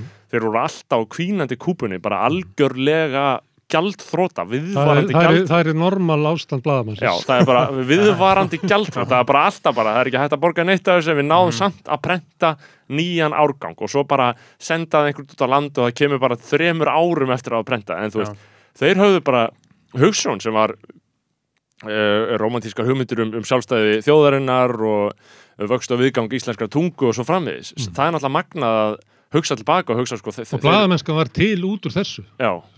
Bladamennsku var til uh, að, að búin til að mönnum sem að vildu hafa jákvæð áhrif á samfélagið. Þannig að bladamenni er aldrei að skamma sig fyrir það. Nei, ekki að þykjast að vera einhvern veginn svona hlutlausir með reyðar sveinar valdsins sko, það Mm. er ekki eðri bladamennskar en síðan er það annað sem að verður ögla til og þið eru kannski í sem er uh, að taka bara business model sko predikarna í Suðuríkjunum Mm. að segja að þú veist bóða bara Guðs orð og segja svo í lokin að þið viljið halda áfram að, að ég haldi áfram að bóða Guðs orð og þá verður það leggin á mig Mhm. og menn er að gera það, kjarninni með þetta ég gerði svona tilraun í fréttatímanum og kannaði það og ég sá alveg að þetta var hægt Mhm. það sem að var það sem að feldi sko fréttatíma var það að, að eigendunni vildi ekki fella niður skuldi sínar og það er ekki hægt að byggja almenningum pening nema þessi skuldlaust þannig að Mhm. þú er til í að borga efnið en ef að hluti af því færi til að greiða niður stoppkostnaðin af fréttatímanum sko fimm árum fyrr, að það Já. gengur ekki upp Mhm. en ég, ég held að þetta sé hægt Já, það er klálega framtíð á þessu, ég meina Já, það en er ekki til þess að reyka morgublaðið Nei. eða, eða stöð 2 eða eitthvað svolítið Af því að, að við bara förum yfir okkar rekstramódel, við gefum út átta þætti á mánu, tvo í viku uh, og erum fjármagnarinn gegnum Patreon, það eru uh, 400 cirka á, á detti 400 áskrifandi þar. Alltaf einn þáttur í viku sem að er uh, í paywall, þú þarft að vera áskrifandi til hlustan og sem ekki með þessi þáttur til þess með þér. Hann verður okkipis bara fyrir alla og vonum að hann nái að lokka fólk inn til þess að hlusta á lokuð þettina sem Mm. eru bara við tveir.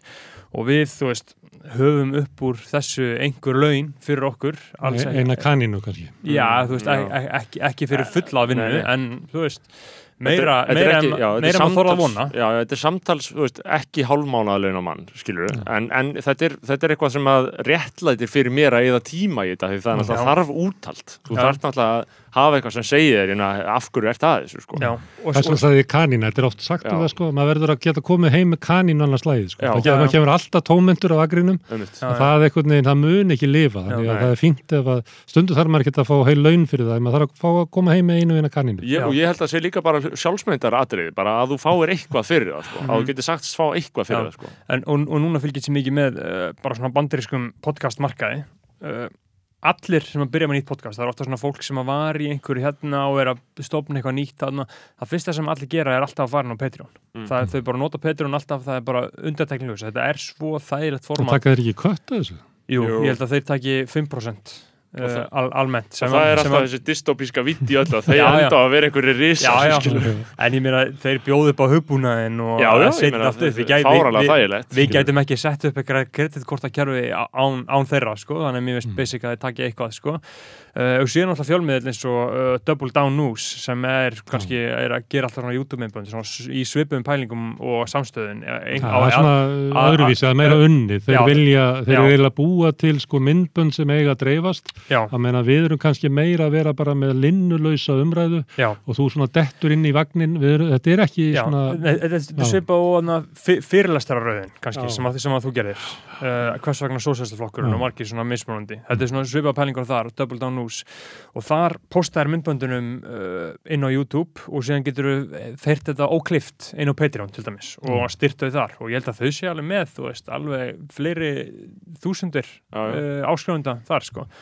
Og stundin, ég meina það, ég borga 2000 mánuð á stundinu Já, ég borga Eh, 2000 þar. og finnst það er líka basic sko. ég vil fá, ég fæ, ég fæ aðgang skilur, að þessu, það kemur ofta þarna inn eitthvað drast sem ég verð að lesa skilur, Já, en stundum náttúrulega uh, en ég lest ekkert eitthvað það mikið skilur, ég er ekkert stór neytandi skilur, ég veit ekki alveg hvernig maður myndi misjátt sko, eins og í Já. öllu sko. Já, já. og hérna En mér sjálfsagt að borga nota maður þetta. stundina okkur tímabili svo einhvern veginn fer maður meira frá henni. Já, Já, það, það er nefnilega svipað á mér líka sko. já, svo fær maður blaðið heim, ég vil það ekki sko. Ég, nei, einu sinni var sko besta lykt sem ég gætt fundi var sko prentsmiðurlykt þegar um það leiti þegar blaðið var að fara í prentun. Já, en ég hef ekki bara komið við dagblaðið svona undarfærin svona 5-6 ár sko. mér finnst það bara vond lykt sko. Já, Já. þarna, þetta er náttúrulega mér finnst fínt ef þetta er á kaffiborinu, þú veist að ef maður opnar þetta svona við og við, sko. Ég hættur að kunna, ég bara fletti í gegn og bara strax komið á flettið og er bara komin í gegn á, á 45 sekundum ég fer bara í gegn og skoða hver er að auðlýsa og hver kaupir þetta auðlýsingar í þessu, sko. Ég, ég er mikið bara að skoða það. Hlæja þeim. En gallin við svona það sem að maður er að og skársettu sem að geta og það er svona mm, ákveðin svona tilning að maður snúi sér frekar að þeim Já, og þá er það náttúrulega kannski hópurinn sem að vantar helst fjölmjölana einmitt. rattinnar að þæra rattir heyrist og að séu samfélagsumræða út frá þeirra sjónamiðum sem eru skildir eftir þannig að um, þannig að mér finnst fínt að vera þar sko. en, en þú saknar þess og ekkert að vera að koma þá bara ekki heim með eina kanninu Já, nei, en. Þú, en þú saknar þess að, að vera í þessu út blað á hverjum degi dæmi eða? Þá romantísir þið kannski einhvern mann í hugunum eða hvað ég, ég fari og að víða en ég, horfi eiginlega aldrei aftur sko. ég Nei. tek aldrei með minn einn gögn og, og þú veist ef ég hérna fæ mér nýja tölvu þá bara byrja ég upp á nýtt og þannig að ég bara sný ekki aftur ég sný bara fram en hins vegar er það þannig að þú ert rekur ytstjórn að það er náttúrulega rosalega gaman sko. Mm. það er eins og að fá svona þú búið að auka arma sko, mm Mhm. allt í einu ertu bara komið með fleiri arma og, og það er gaman að vinna í hóp, þá getur þú gert stærri hlut en þú getur gert einn já, já, og stundu þegar maður er bara að dunda sér eitthvað svona einn heima, þá hugsa maður oft til þess bara djöfull ef að maður hefði rítstjórn, þá myndir maður bara geta gert þetta og þetta og þetta og þetta og þetta og þetta og, og bara keira á þetta mál og þú veist, það er svona, þetta er svona hugmyndur um svona afl sem að Mhm. ég hafði eða þú veist, tók Einmitt. þátt í og var með sem að var ógislega gaman, þetta náttúrulega já, já.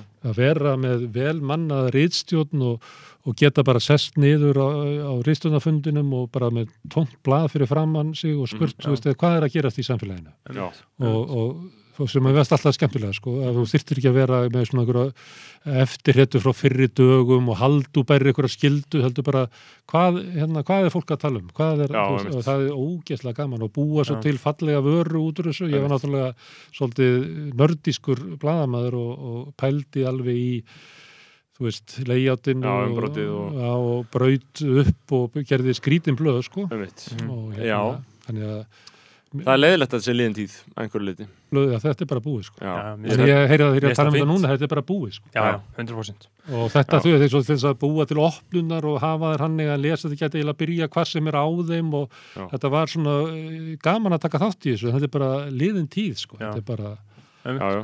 mm. En, en þarna um, Sólsæstarflokkurinn uh, þeir á kostningur í haust þeir á uh, góðu skrið á Facebook, uh, YouTube það er margt svona að gerast, fólk er að vita af ykkur meira og meira uh, en þá fer ég að hugsa sko aldursópurinn uh, þið náið til fólk á 30 aldri, 40, 50 uh, allt svona, síðan uh, voru við í að bóla kvöldmatt með frænkokar, mjög snorri og hún er 17 ára og var að segja okkur frá því að hún var á TikTok Mm. Og núna á COVID þá lærið hún það að hún hatar kapitalism meira en allt í lífinu Mm. og síðan veit hún ekki hver Sigurður Andersen er Mm.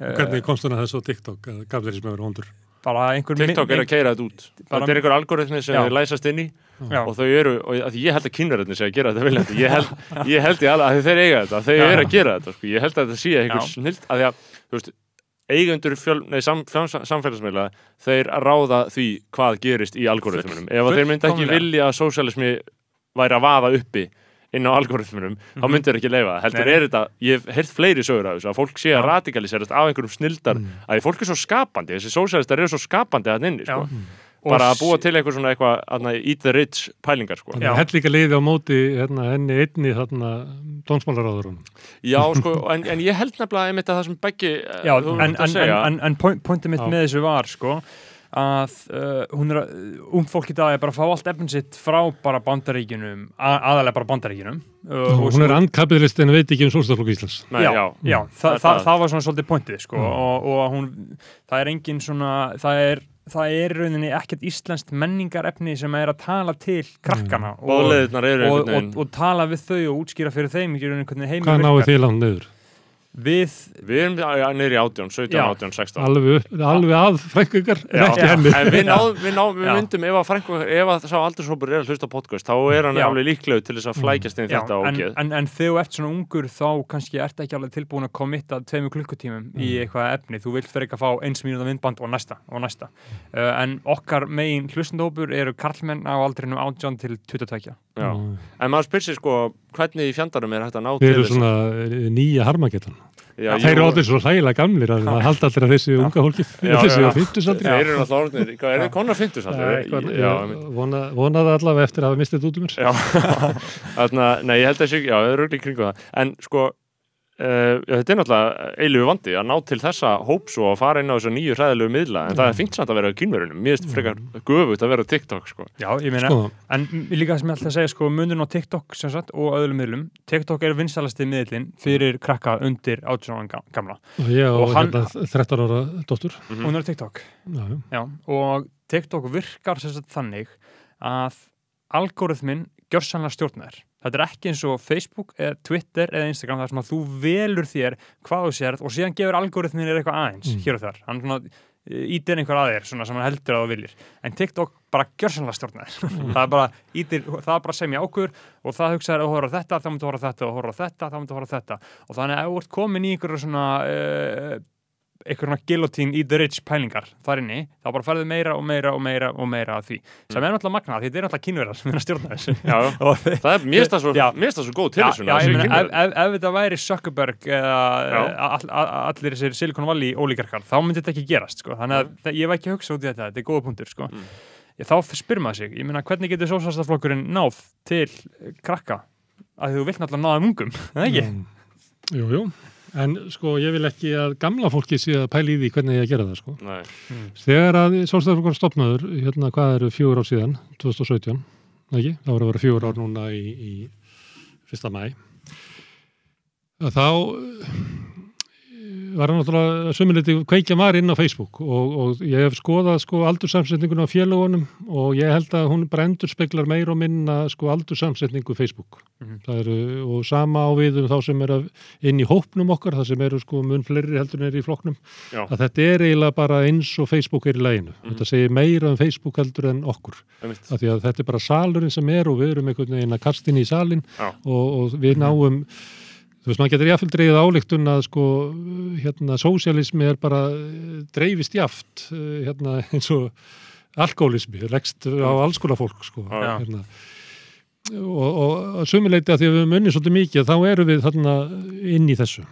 Eh, 2017 að þá hugsaum við, það eru nokkri svona hópar sem eru svona við byltingar ástand á Íslandi.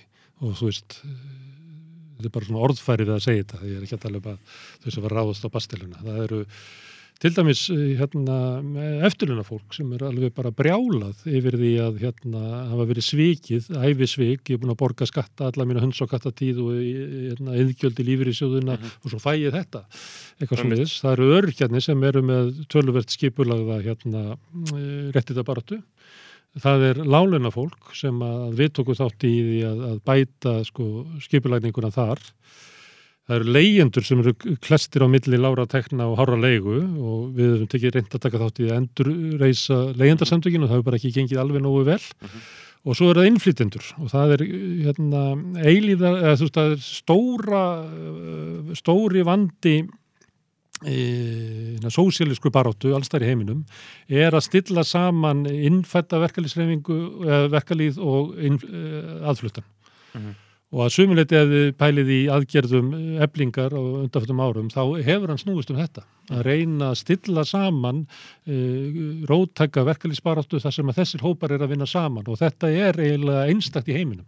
Yfirleitt er þetta hérna, tvístrast þessir hópar að, að verkalýsreifingin sem er, er veikari og ekki með svona skildu hérna, aðild eins og er á Íslandi, eða svona hálfuleiti, Mhm. heldur eru þeir færri og þá eru þeir oft fyrst og fremst að verja hagsmunni innfættra og hinnir eru þá Einmitt. bara út á götu eða þá eins og þið sjáum stundum í bandaríkjuna sem búið að berja niður verkarisreifinguna alveg að þá Mhm. getur við séð svona að það myndast einhver baráta starfsfólksins hjá Amazon eða McDonalds Mhm. eða það er að verða til svona ný verkarisreifing. Síðan ef maður horfir á ástandið sem að var út í heimi, eh, það sem að var til dæmis Occupy Wall Street og sömuleiti fólki sem tók þátt í Momentum sem að stutti Korbin, að það var kert mikið af ungu fólki. Mm.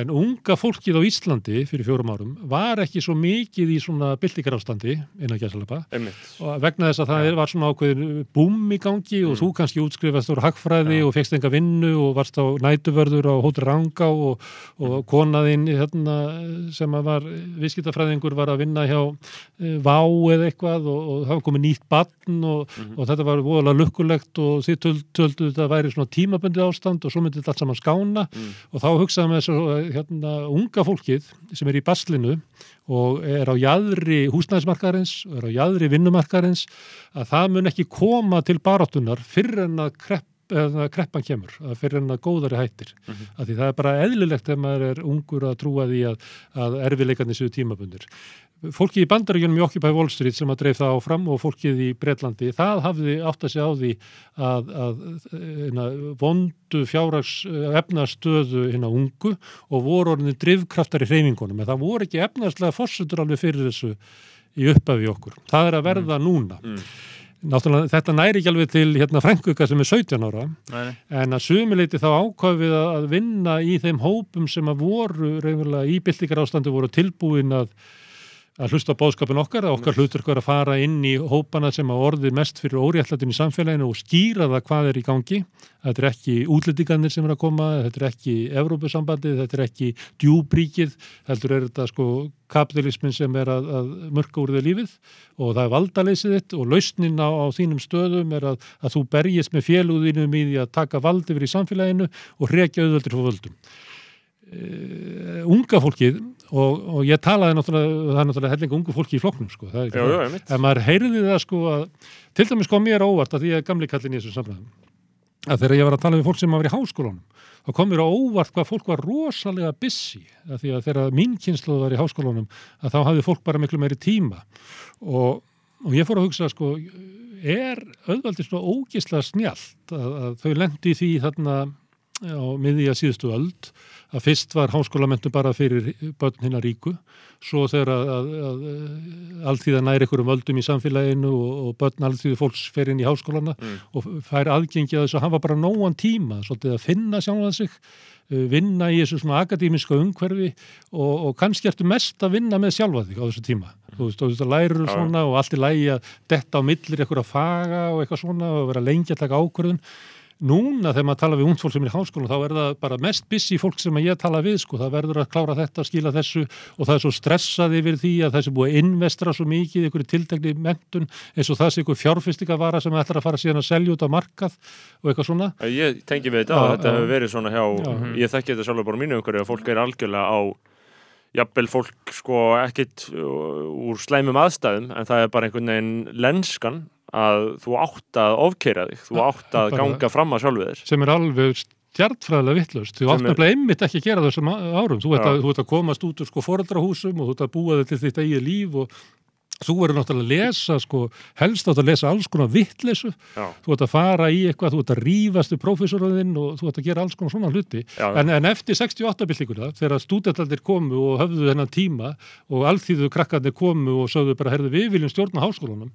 Við ætlum ekki að láta, þú veist, við ætlum ekki að ganga inn í einhverja borgarlega mentun hérna heldur verður mentunin að þjóna okkar hagsmunum já, já. og það verður þessi bylting sem er þetta sem að hérna sérstaklega náttúrulega í Evrópu en, en líka í bandaríkjónum þar sem að, að voru stúdentar mikið sem að drifu áfram sko félagslegu eh, hérna, uppreisnina á, á sjönda áratugnum. Að, að það er eins og að, að sko kerfið hafi lært að þessu og alltaf bara ekki látið þetta gerast aftur Nei, nei. Þannig að, að sömulegt hef ég orðið hissa með að, að hvað gekk illa að fá sko yngra fólki til svona virkra þáttöku Ég hugsa hvort að, einmitt að hvort að Twitter, mitt Twitter er alveg morandi í svona einhverjum uh, vinstri skoðunum sko og einhverjum svona gáfulegum vinstri útúrsnúningum á lífinu Já. sko og þú veist og það er bara Twitter er mitt og ég marinera í því og þetta er algjörlega þú veist, bara skilgrinni hugsunum mína sko og Mhm. gefur mér, gefur mér svona snertipunkta í umræðinni sko Vi, svona, við lifum náttúrulega þessa tíma, við lifum mjög háskala tíma. Ég sagði þegar við vorum að stopna sóstaflokkin að við höfum kannski, við höfum kannski svona fimm ár og mm. liftuhurðin er að lokast. Ef við komumst ekki hann í gegn að þá munum lokast og dóttir mín sem er núna 13 ára mun búa við fasisma næstu 50 árin. Mm. Og að því við erum búin að tala svolítið um söguna, við erum að tala um hana mannúðar tímabil og eftirstýsárunum og við höfum samskona mannúðar tímabil á nýtadöld eftir fransku stjórnabildinguna þegar eigna jöfnuður verður meiri þegar aðallin er að missa sko eigu sínar hér og þar um í Evrópu og borgarastjættin að ná völdum að þá verður meiri eignadreifing og það leiðir til uh, mannúðar. Það leiðir til hérna betri meðferðar á föngum og fölluðum og... já, bara einfallega meiri eignandi Já, já, sí- síðan svona miðja öldina að þá hérna, líkur þessu tímabili og það eigst hérna, eigna ójöfnuður og, og tekjuójöfnuður. Og við fáum hérna, félagslega darfinisma sem að trúir því að, að við eigum að styðja hinn sterka. Því að við styðjum hinn veika þá sem við eðalegja samfélagið. Mhm. og, og það tímabil er ég alveg fram að stríði og það er bara þetta er þess ástæðan fyrir því að þrælandir unnu stríðið en töpuðu friðinum. Þannig að þeir fengu frelsi en þeir fengur um lenga betri aðstæður. Mhm. og svo fáum við hérna eigna dreifinguna eftir uh, kreppuna og svo hérna heimstyrjöldina sem var gríðarlega hérna eigna dreifing, það voru mikill auður sem að tapaðist og, og, og, og hérna er ofsaríkur mistu auðsinn og við fáum þá aftur tímabil hérna aukins jafnaðar. Eh, sem að dugar eh, nær sko jöfnuðurinn nær toppi 1960 svona í eh, svona vesturlöndum og svo byrjar hann aðeins að aukast ójöfnuður og svo spýtist hann upp í, í nýfrásökinni. Við erum komin á meiri ójöfnuð núna heldur en var sko 1920-30 Mhm. og á móti þessu, það er hérna mjög skemmtilegu profesor sem að hérna, hefur búið til svona helix, það er annars verður með ójafnað vísitölu og svo höfum við vísitölu well-being sem er bara um hæð fólks, lífslíkur, já, já. hvað fólk er gamalt þegar hérna, uh, býr til hjúskap og svona ímis svona atriði sem að uh, bara reynslanu við sínt er ágætis merki um það, þú veist, hvað tröst almenningur hefur á samfélaginu og flera, að þá er það svona helix sem að gengur alveg þvert á móti. Já, Já, og, og líka inn á sem ási er það að þau ert með mesta ójafna tímabili, þá ertu með mestu, mesta róstur, þá ertu með flest þriðjuverkin, uppreisnir og óróleika.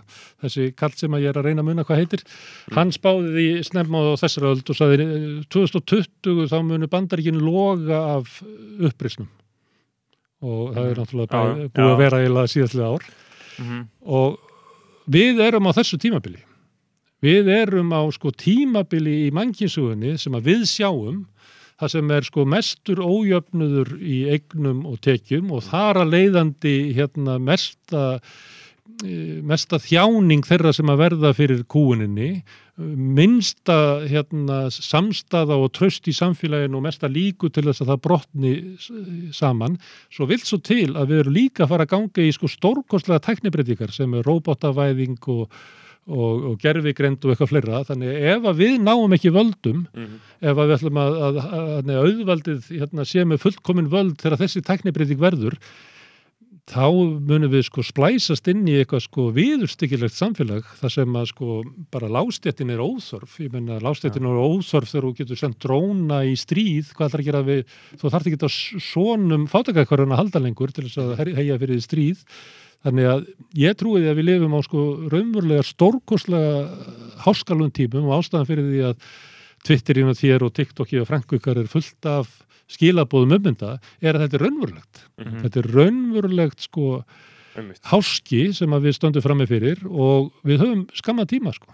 Já, Það mér finnst það bara svakalega svakalega sæðilegt til hann, ykkur sko. hann, hann, hann uh, talar um það, hann skrifa bók uh, Neil Postman, uh, Amusing Ourselves to Death og hann talar um það að uh, gamla framtíðasbáin var alltaf svo uh, bara Orwell 1984 að það kemur eitthvað stórt og tekur yfir okkur og kúur okkur og allir hata en get ekki gert neitt í því uh, það eru hugmyndir hans Orwell sem að er ekki að fara að gerast, heldur eru hugmyndir hans uh, Aldous Huxley úr Brave New World, það sem að kúarinn kemur og hann læði sér inn til þín og þú elskar hann Mm.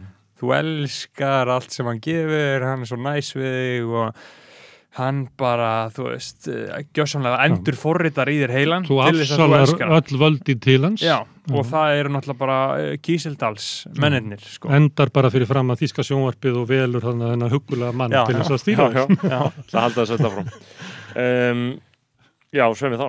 Já, uh, það er allt þarna En ætlar þú í frambóð með langar alltaf að spyrja það ætlar þú í frambóð fyrir sjósættarflokkin núna? Mm, Ég verð að segja, sko, ég veit það ekki. Nei. Sko, uppalega hugmyndin var alltaf að ég taldi að vera styrku fyrir hreyfinguna að ég væri svona fríliði. Það Já. væri bara gott að væri eitthvað sem hefði bara enga sérstaka hagsmunni Mm og gæti bara svona rekið þetta svona áfram og bara hlaupið til og, og gert þitt og þetta. Já. En ég bara, ég bara veit ekki. Það er, ég held ég sé einna fáum sem að hérna, fólk skorar á að fara í frambáð, sko. Það kemur Mhm. fólk heim til mín mjög ábúðafullt og, og sest við borðið hjá mér og byrja svo að tala um þetta, sko. Já, ég letti því svona raunverulega og Mhm.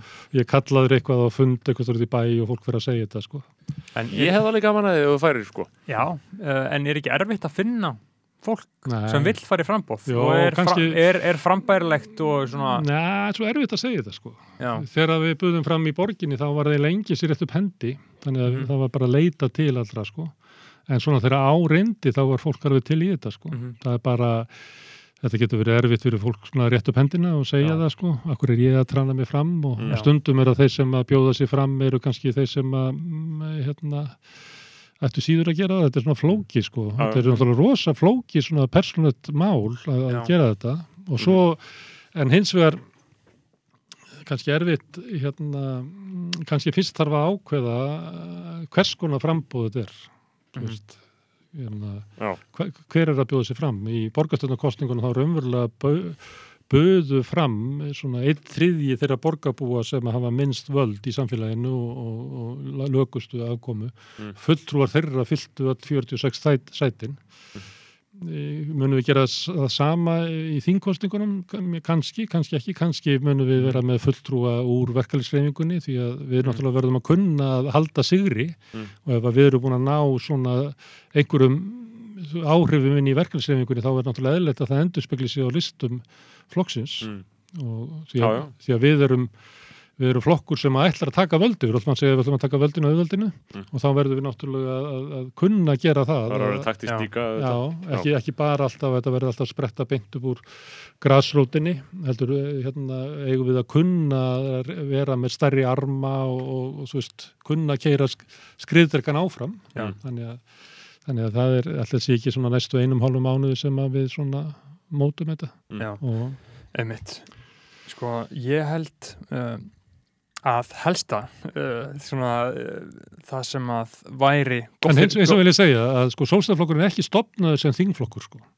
Og við hérna Mm. ákvaðum, við vorum stopnað 2017 um vorið og svo voru þingkostningar 2017 og þá var fundur í flokknum og við ákvaðum að bjóða ekki fram þar sem var náttúrulega bara skynsalegt að því flokkur var ungur og hætt við það að frambóði myndi of um hérna litan eh, og það var ekki ákvörðun um það að leggja áherslu á starfina verkefælsreifingarinnar Mhm. Og ef við ættum að skipta þetta svona einhvern veginn niður þá var kannski áherslan er kannski 50% verkefælsreifingin og almannarsamtök 20% sveitastjórnir og 30% þing. Mm. Þannig að, en ef þið hugsið til dæmis um pírata, vafki eða samfélginguna, þá er þetta flokkar sem að telja eiginlega öll sko pólitísk barátta í samfélaginu fari meira og minna fram í þingsalum og svo í kastljósi. Mm. Mm. Sósélista líta ekki að svo á það vegna þess að það, sko almenn virk pólitísk þáttaka almenning skiptir svo miklu máli. Mhm, einmitt. Þannig að það skiptir ekki svo miklu máli hverju sitta fyrir flokkin á þingi. á þinginu, einmitt, einmitt. Já, en ég ætla að segja sko að það sem að er svolítið erfitt í íslensku samfélagi núna, ef ég tek bara sjálf með þessum dæmi, uh, ég er bara uppalinn hérna í Vesturbænum og bá, bara komin af uh, góð, góðum borgurum, bara báðið fóraldra með uh, doktorspróf og við bara liðum meðlu En þið, en þið, strókar, Uh, ekki það spróf. nei, bara bachelor gráði sko. Já, svo, Já, ég er bara með bara, bara Varst ekki að gera eins og pappa og mamma? eða? Ég, ég, það Ég er á- svolítið búin að missa trú á aðri mentun sko. Eh, Mér finnst þetta svolítið mikið bullshit sko. Ég er alveg, ég, ég, ég mun líklega allan að fá með meistarapróf en, en það er auðvitað ég, um, Eru þið svona þriðja kynsluðin sem að klúðra þessu? Nei, ég, ég, ég verð að halda kindlinu, ég verð að taka Já. við kindlinu, dóttarsprófs kindlinu Já, en, en það er, það er Ég mun ekki gera það sko.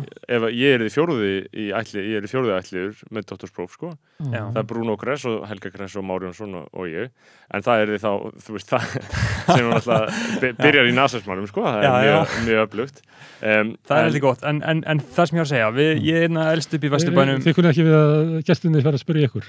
Ha, Jú, Jú, jú, það má, vel, það má. vel, vel, velkomið Já, sko. það má En sko, það sem ég ætla að segja er að na, ég, við auðlunstundum bara upp í Vesturbænum og ég fer í, fer í mentaskóla, verslu og lifi bara svona kjör, gjörsamlega depoliticized lífi, bara hugsa ekki um pólitík. Uh, held að Íslendingar hafa allir, allir bara rosalega gott og fylgist bara svona eins og meðal maður með fjölmjölum, les það, veit, jújú, jú, ég er vinstir sinnaður, ég veit það, skilur ég hugsa ekkert mikið meira um það, ekki í samfylkinguna, vinstir græna, reynda að kausa Albaníu valda uh, í, í síðustu kostningum, bara því að það er minn maður, sko. Uh, en ég er alltaf bara svona lifi bara mjög ópolítisku lífi og hugsa ekkert um það af því að fólkið sem þú taldir upp í náðan, Mm. örkjarnir, gamla fólkið, uh, innflytjendunir, þeir bara sögur þeirra haf, voru ekki sagðar. Það voru ekki sagðar í einhverju 5.000 dólar grein í, stundinni sem að ég var ekkit að leitast í að lesa, þú færð þetta ekki í mainstream fjölmjölunni sem að ég var að neita og síðan uh, radikaliserast ég í gegnum Bernie Sanders. Hann, Mm. ég er svona einhvern veginn fæði áhuga á honum. Svona, hm, vá, hann er að, vá, er þetta svona í bandaríkinum djöðin er þetta sjúkt dæmi í gangi þar. Bara, vá, og þá fyrir ég að hugsa, ok, hvernig þetta sé á Íslandi en þá hafðum alltaf alveg við það að það er ekki stjættaskipting á Íslandi, af því að maður sér þetta fólk ekki, sem að þú talar um Mm. og þá byrjum við að hugsa, hm, ok, vá, hvernig þetta sé á Íslandi og þá er svolítið svona erfitt óaðgengilegt einhvern veginn að eh, raunverulega sjá hvernig staðan er á Íslandi af því að á yfirborunu er þetta svo rosalega slétt Mm. og fallegt. Það verður bara öll þessi veisla. Maður, svona, maður veit ekkit af, uh, þeir, af þeim sem að hafa slæmt hérna á Íslandi. Og þá spyr ég, eða bara svona velti upp þeirri pælingu, ég meina, hvernig getur maður látið uh, gauðra eins og mig sem að bara, sem að er alltaf að sé ekki megin svona hluti sam, íslensk samfélags sem að bara elst upp við það, ég meina, ég, maður er elst upp við þau fórhandi að, ég, þú veist, ég, við höfum oft djókað með það að ég gæti núna lagst niður á jörðinu og ekki gert neitt restin límin og það er þið séðu mig, skilur Mm. það er þið myndi bara alltaf einhver komið mat og komið húsnaði og bara, ég myndi ekki þurfa að gera neitt ég geti leið Þú verður eins og Gregor Samsa pattan sem Kafka skrifaði um Já, sko, sem ég- breytist inn í Ég herbygginu bara, sko. það, veist, ef að fóraldrar myndi gefast upp þá myndi bara einhverja frængur eða það myndi einhverju vini það myndi alltaf einhver koma og redda mér mm. saman hvað gerist, Mm. rosalegt öryggisnett sem er ekki til staðar alls staðar fyrir alla á Íslandi og núna svona veit ég það eftir að hafa svona síðastliðin nokkur ár verið að uh, kynna mér þessi mál á Íslandi hvernig, ég meina, hvernig er þetta fólk hvernig getur fólk svona vita af þessu? Og hvernig er þetta að færa umræðuna til þess að þeir sem að uh, hafa einhver rödd uh, fái að segja sína sögur eða segja frá sínum sjónamöðum Við höfum náttúrulega svolítið verið að segja sögur, það var hérna fólk í eblingu og. Já, við höfum verið að skrifa hérna sem að svona huldu fólksögur um öryrkja, við höfum tekið viðtöl við leyendur meðal annars Já. út af þessari ástæðu og, og frambóði sósélista í borginni síðast voru svona sögur. já, já ég, ég, ég, veit, ég veit að Og- þú, og- þú gerir Já, það mér sko. varst, mér varst gaman að þú nefndir hann AOC og, og fleiri úr demokratafloknum, hann Mhm. hvað hétt myndin hann, Bring Down the House. Bring down the house, já. það sem að raunverulega þær nota þessa sömu aðferð sem að er að ef að ég kemi út úr hennu kúuðu hópum og ætla að taka þátt í pólitíkinni þá verði ég að taka sögunum mína með því að, að þú ert með eitthvað vettvang þar sem Já. að sko henni betur settur elítan er búin að búa til þetta stjórnmála umhverfið Mhm. og ef að ég ætla að koma út úr hennu kúuðum hópum og lappa inn á það þá skil ég Mhm. söguna mín eftir sko en þá er ég raunverulega að svíkja sko bakgrunnin minn, þannig að ef ég ætla að fara í pólitík Mhm. þá verði ég að koma með söguna mín og klessinni þarna upp við og stækka raunverulega svæði sem að er hérna leifilegt að tala um og, og, og, og, þetta er bara svona vinna Mhm. að, að hérna hinnir kúuðu verða að heyrast og þeir verða að gera kröfu um að þeir, þess, að þeir heyrist við höfum sagt þessar sögur kannski eigum við að, að læra bara, ég veit ekki, kannski svona kvennabaráttunni og, og fara að telja eru margir fátakir sem eru í kastljósi eða í Silfur Egils eins og Mhm. konur eru taldar Mhm. og segja að það hefur ekki verið fátakum maður í Silfur Egils Já. síðan 2003 Einmitt. eða þú veist og ég Já, efast um að sé þannig og, og skekkjan er svo stjartfræðileg sko. Mhm. af því að þeir sem að, að, að svona, í þessu sérfræð hérna, við vorum að tala um sérfræðistjættina hjá Vafki og, og samfélkingunni og svo með auðvaldið að þeir sem að um, svona, tróða sér inn á miðjuna og segja við erum umræðan Mhm. að þetta er svo uh, fáránlega lítið hluti af samfélaginu og þannig að það er ekki bara henni versettu hópandi sem ég talaði um sem að þó kannski fylla sko eitt þriðja af, af hópnum því að sko öryrkjar eru margir og fátætt eftirlunar fólk er margt og innflytjendur eru margir og lálunar fólk er margt. Heldur næri þetta sko alveg hérna næsti þriðjungur og, og eftir, hann er ekkert það er ekki svona almennur kennari í umræðu í Silfur Egils eða Kastljósi, bara ekki. Nei, nei. og þannig það, það er fólk sem upplifir líka svona mikið valdaleysi stóru mentastjættinnar inn í stóru kerfunum. Kennararnir, eh, hverjir eru það sem er að móta mentakerfi í dag? Það er gert eiginlega út frá fjármálaráðundinu það er svona verið að reyna að stýra því að það fari litli peningarn inn og svo er þetta eitthvað svona eitthvað svona armar sem að fara þar inn þannig að skólastjórin sem einu sem var fremstur með jafningi að móta eitthvað svona mentastefnun og nýta sko mentun allra kennlarana til þess að búa til sem allra besta skóla.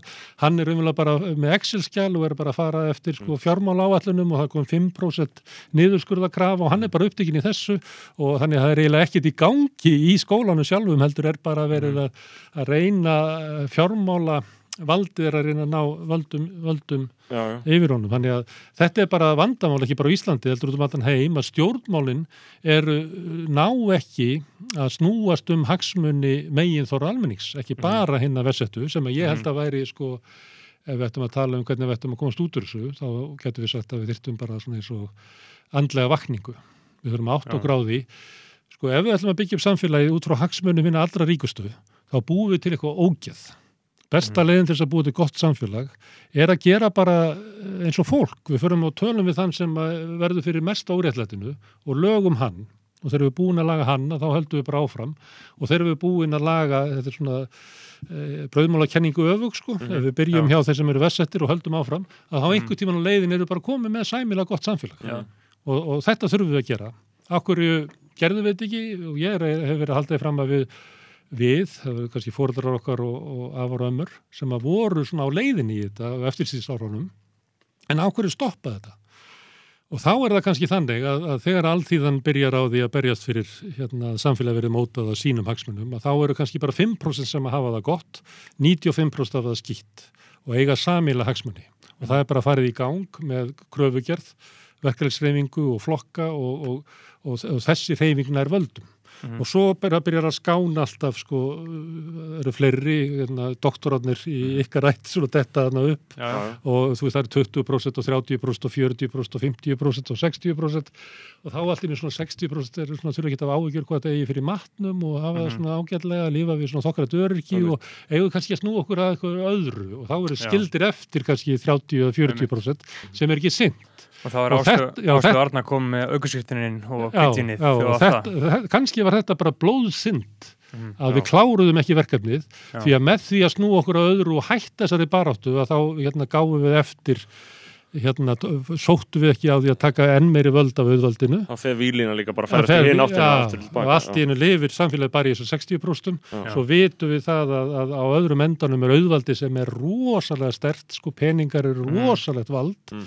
og svo svona menta innegn og félagslega innegn og, og frægð og bla bla bla og Mm. þá erum við komið með fókusin í umræðinu bara, er kannski komið bara á 7% að efstu og fólki í miðjunni finnst þetta að vera svona horfir á eh, Gísla Martin og svona veit ekki alveg hvað þetta er sko, akkur að ég verið að horfa á þetta? Eitthvað svona fólk svona sem að telur sig vera hafi sloppið inn og er eitthvað ha ha ha ha eitthvað í, í sofanum, Já. en svo ertu komið með þriðjungi sem er neðst og er að horfa bara á almenna fréttaflutning um hvað eiga að vera vandamálinn í samfélaginu. Fólki sem er að þarf að berjast fyrir því að eiga í sig og á og er með bara viðvarandi afkomu kvíða og, og upplifir að það get ekki veitt börnunum sínum og sé kannski ómúlega manneskir á þeim sökum.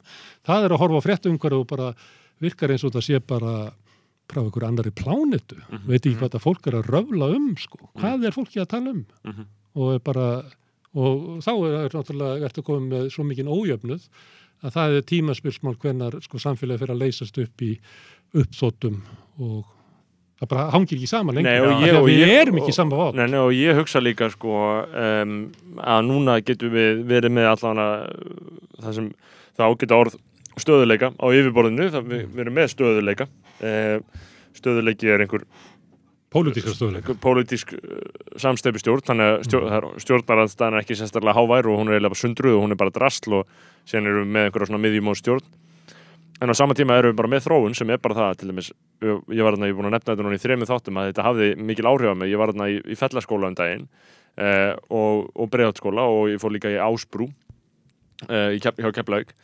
Um, þar sem að í tveimur skólunum eru sérst 50% uh, nefnda sem eru með íslensku sem annar mál og í einum skólanum sérst fellaskóla eru 90% nefnda sem eru með íslensku sem annar mál uh, þetta er, þú veist og, og sama tíma erum við að lesa þarna rannsón sem við líka vikið að í þessum þætti sem er uh, um það hvernig hverfin hafa frá 96, nei, 97 til 2016 það fjallaði með þessar rannsón í stundinni þetta er greini í stjórnmálum og stjórnsýslu uh, það sem við erum að fjallaði um það hvernig hver- hverfin uh, í raun og veru eru bara að verða ójafnari og ójafnari. Þú veist þetta er bara að verða Garðabæri og Vesturbæri og Miðbæri og, og líkla Fossvóður og einhver svona típisk ágætt hverfi er að verða bara ríkar og ríkar og önnur hverfi, breiðholti og svo framvegis er bara, þú veist, það er bara þetta er að verða bara ghetto Mm. þú veist, það er bara, þetta er bara að verða ég meina, ghetto, ég nota það bara í merkingunni sem uh, var hérna í nassismánu þegar fólk er lokað af inn á einhverjum stað sko. það er bara, þú veist, það, það kemst ekki þaðan út og það fæ bara að lifa innan þess stað sko. og, og á saman tíma að vera með pólitíska stöðuleika á yfirbúrinu, sko, þá er þetta að gerast og þetta er að verða verra, sko. þannig að maður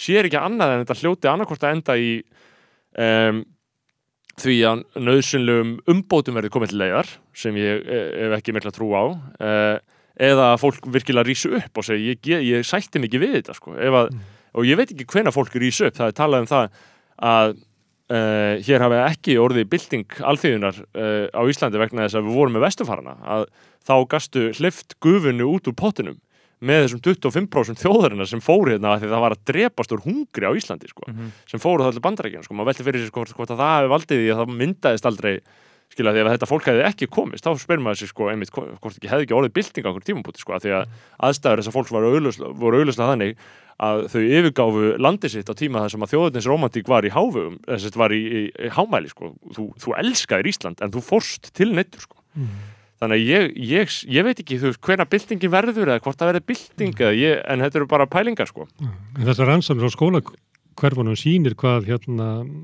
ójöfnuðurinn og samfélagsbreyti út af stöðuleika, hvað er vel mikill óstöðuleiki já, eins og, og líka hérna álægið í samfélaginu af hérna innflytjendum, innfluttu vinnuafli sem að, að, að auðvaldi flyttur inn til þess að hérna, auka samkeppni um, um, um vinnu til þess að halda niður í launum. Mhm. Er náttúrulega miklu meiri á lástjættinni sem er líklegri til þess að búa í hverfunum sem þú ert að lýsa. Það sem eru skólar, það sem eru kannski töluð sko eru 20-30 móðurmál Mhm. og eru, skólanir eru að kollapsa bara undan því að þau geta raunverulega ekki þetta sko Svo ferði í Garðabæ og þú ert í Efrabreyðusti þar sem eru sko 35 eða 40% hérna, íbúana eru innflytjendur. Mhm. Í Garðabæ er það bara 3% og einu innflytjendur sem koma þar eru, eru hérna, fólki sem kemur að skúra heimilunar Mhm. og þau eru ánað með hérna, hérna, samkeppnina á lánunastarfi, það er ódýrari sem ég þarf að borga konin sem að skúrar og, og svo kemur ykkur að passa börnin okkar og svo förum við okkur veitingastað og þar er ykkur sem er að vaska upp fyrir okkur og það er allt ódýrar og þægilegra. Þannig að þau lifa bara svona rosalega jákvæða upplifun af Af af, þessum samfélagsbreytingum. og, bara, og skilja ekki í því, akkur er fólk að tala um einhverja samfélagsbreytingar, ég meina þetta er bara jákvætt og gott, er það ekki? Og, og þá erum við kannski við breyðoltur með eitthvað svona ígildi, eitthvað svona riðbelti, sem að fólk er að verða vart við sko hérna rosalega umbreytingar sem að fylgja sko alþjóðavæðingunni og, og, þið- fólks. Svo ætla ég að snúa við. Já, skólanir eiga að vera uppbyldistofnana okkar til þess að við getum fungerað í líðræðislugu samfélagi. Í Garðabænum og í MR og, og svona skólum, þar sem eru kannski bara 2% innflytendur í MR, að þar eru við allt í einu byrjað að koma vandamál, að því þar er komin eitthvað svona ímynduð yfirstjætt, íslensk yfirstjætt sem elst upp í það að vera bara afmörkuð frá hérna útlendri lástjætt og, og kann ekki, það kann ekki að lifa í samfélagi þar sem að fólk er með mismunandi rattir, kemur frá mismunandi grunni þar sem eru sko ólíkt, það bara kann það ekki.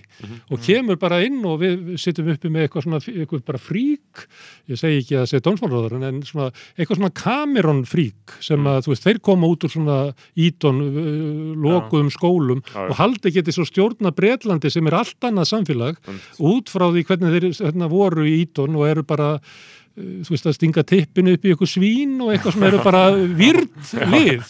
Og það er bara raunverulega hætta á að hérna, sko, fólki sem kemur út úr sko, hagaskóla og MR að þetta sé aðeins fleiri innflytjendur í, í, í 107 heldur en í 210 Mhm. Já. en út úr þessu umhverfi erum við að fá fólk sem að telur sig vera sjálfskipa til valda eigi að stýra samfélaginu en það hefur bara enga reynslu að hennu raunverulega samfélagi og þetta fólk náttúrulega treður sér inn í sko Kastljós og Silfur Egils já, já. og býr til Já. eitthvað leikrit sem á að vera samfélagsumröðan um samfélag sem að það veit ekki svona að bú í Nei, nei. En, en hvernig fær maður þetta fólk, að þetta fólk sem að þú ert að lýsa er náttúrulega bara við. Bara ég, Já, já, já. við tökum Eh, bara völdin af þeim já, Já. En, en, en, en, við erum ekki að spurja, við þurfum ekki að lækna við þurfum ekki að milda hjarta hérna, Bjarnar Benediktssonar við tökum bara völdin af honum En- svo bara jafnar hann sig eitthvað Já, starf ég held að ég sé ég líka þetta vandamál. Já, ég en- var í hagaskóla sem MR sko. Já. hvað er margir innflytjandi sem hefur verið hérna í skoðanabröðurum? Já, ekki mjög margir sko. jú, einhverjir Eða fyrir eftir hvað tólkar inn, innflytjendur. Já, Eða, ég, ég þór ekki að slaði fram en ég Nei, getur örugglega fundið einhverja þarna á listanum sko. jú, jú, en- við höfum alveg verið með innflytni en- við höfum með, sko- við með já, já, ég, ég Já, fyrir við ekki það þarf ekki að fara að Ég fer ekki sko. það En en að, en maður fyrir í kerfið sko. já, já. Já, já. En, Nei, en það sem ég var að segja, eh, hvernig farið þetta fólk til þess að... Elítuna? Nei, já, elituna. Það Bara okkur til þess að vita af tilvist uh, fólk sem að hefa að vera og finna samkend með því. Því ég held að flestir finni enga samkend. Ef ég til dæmis reyna að tala, ef ég reyna að tala við vini mína Mm. úr Vesturbænum, MR, Versló, ef ég fyrir að segja þeim eitthvað, erðu þannig, já maður, það er bara fucked up stjættaskiptingin á Íslandi, eitthvað, veist, það, það þarf að gera eitthvað í þessu, eða veist, Mm. þetta er eitthvað svona, það bara, held áfram í Playstation, eða þú veist, það vill, vill enginn heyra þetta, þetta er mjög, Já, við lifum náttúrulega hryllilega ómannuðar tíma. Við Já. lifum í manngildis hugmynd sem að, sem að henni ríkur alltaf segja þessi rík að þau hafi svo mikla verðleika. Mhm. Setningi sem að hangir hana við og er stundum sögð og stundum ósögð er það að hinn fátæki er fátæku vegna skorts á verðleikum. Og hérna, þá sem er elst upp í samfélaginu eins og núna, hann er bara heila þvegin um það að hinn fátæki, eh, sé, þetta sé persónulega vandi hinn að fátæku. Þetta fátæk sé ekki félagslegu vandi. Já. Þú ber enga ábyrð á því, það er bara eitthvað að þessu fólki. Og þú heyrir þetta í þessu þáttu sem við erum að nefna hérna, sem að fólk segir bara, að fólki er bara að menta sig út úr þessu. Þetta sé bara það sé vandinn ef að allir fara og verða í bandalegi háskólamanna þá verður þetta svona gott. Þú veist, í staði fyrir að segja að hvort sem þú sért að sko, eins og við komum svo glögglega fram í COVID-inu hvaða störfi eru mikilvæg að þá er það ekki sko hérna, störfin sem að fólkið í, í Silfri Egils sinnir sko að fara mm -hmm. launatikka fyrir heldur svo sem að raðar hillanum upp í stórmarkaðin eða reynsa sorpið og það eru mikilvægur störfin. Og krafan, gamla krafan var að allir eiga að hafa það gott líka sá sem er að sko hérna að raði hillur. Við höfum ekki að borga honum skýta laun og segja við hann, heyrðu þú að bara getur ekki orðið félagsfræðingu bara eitthvað og laga stöðu þetta. Veist, þannig að, að fólk er hérna lin, lifir í undir linnulusum áróðri sem er engu minni heldur en áróðurinn til þess skakvart svörtum í bandaríkjunum. Mm. Veist, það er náttúrulega aldrei hægt að byrja það saman. Ég ætla bara ótti hérna okkar við sko fátakamannin er ekkert minni heldur en ótti fólks við svartamannin. Að við óttust hann rísu upp og við viljum haldonu niðri. Þetta eru alveg svona svipaðir taktar sem eru notaðir. Við lifum í svona samfélagi og þetta fólk sem að fer bara í Playstation og heldur þetta komið sér ekki við, það er náttúrulega ekki hægt að sakast við það vegna þess að það er svona vegna þess að bjó við þessar aðstæður. Hve- eh, Sko, við sósialistandir, við snúum okkur bara að hinnum versettu. Og þá er ég ekki að tala, stundu þegar ég segi þetta, þá finnst ég mér svona að, að hérna, elitan eða, eða millistætti sem ég er að tala við, halda ég sé að tala um 5%, að ég sé að tala um svona tödra öriga eins og Lenin myndi orða það, en ég er umvel að tala um svona 50% af þjóðinni. Að, að þú veist, við snúum þangað.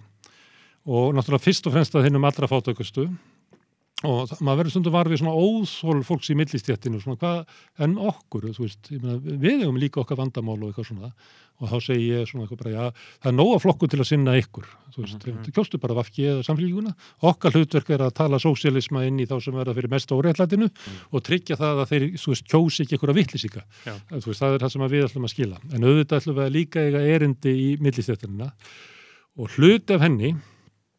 að vill ekki lifa í, samfélagi ójöfnuðar.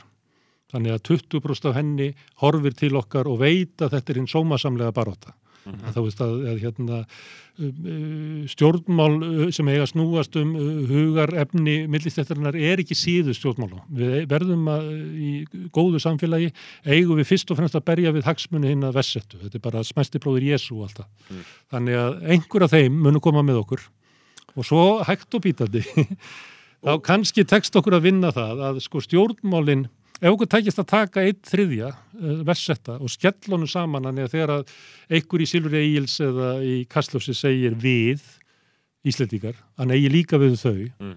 að þá er kannski komin svona hreyfing þannig að fleiri og fleiri geta tekið þetta með Hvernig Ég- meturðu Hvernig meturðu loftlagsmálinn sem þema í þessu öllu? Hvernig finnst þér að vera að nota? Hvernig finnst þér þessu vera beitt þessu uh, bara buzzwordi? Bara, mm. skilur, hvernig meturðu þá? Hvernig, hvernig nálgist þið það? Hvað, hvernig, og, og þetta er raunverulegt vandamál eitthvað sem við þurfum að leysa. Neslu, neslumenningin, gerfull, ég meina, hva, hvernig meturðu það? Þetta er eitt af sjúkdómsenginum sko, stjórnlaus ójöfnuðar þar sem að fáir geta tekið ákvarðanir og það er bara þeir eru að tortíma samfélaginu, þeir eru að brjóta tröst í samfélaginu og þeir eru að eðalegja náttúrun og lofslæðið.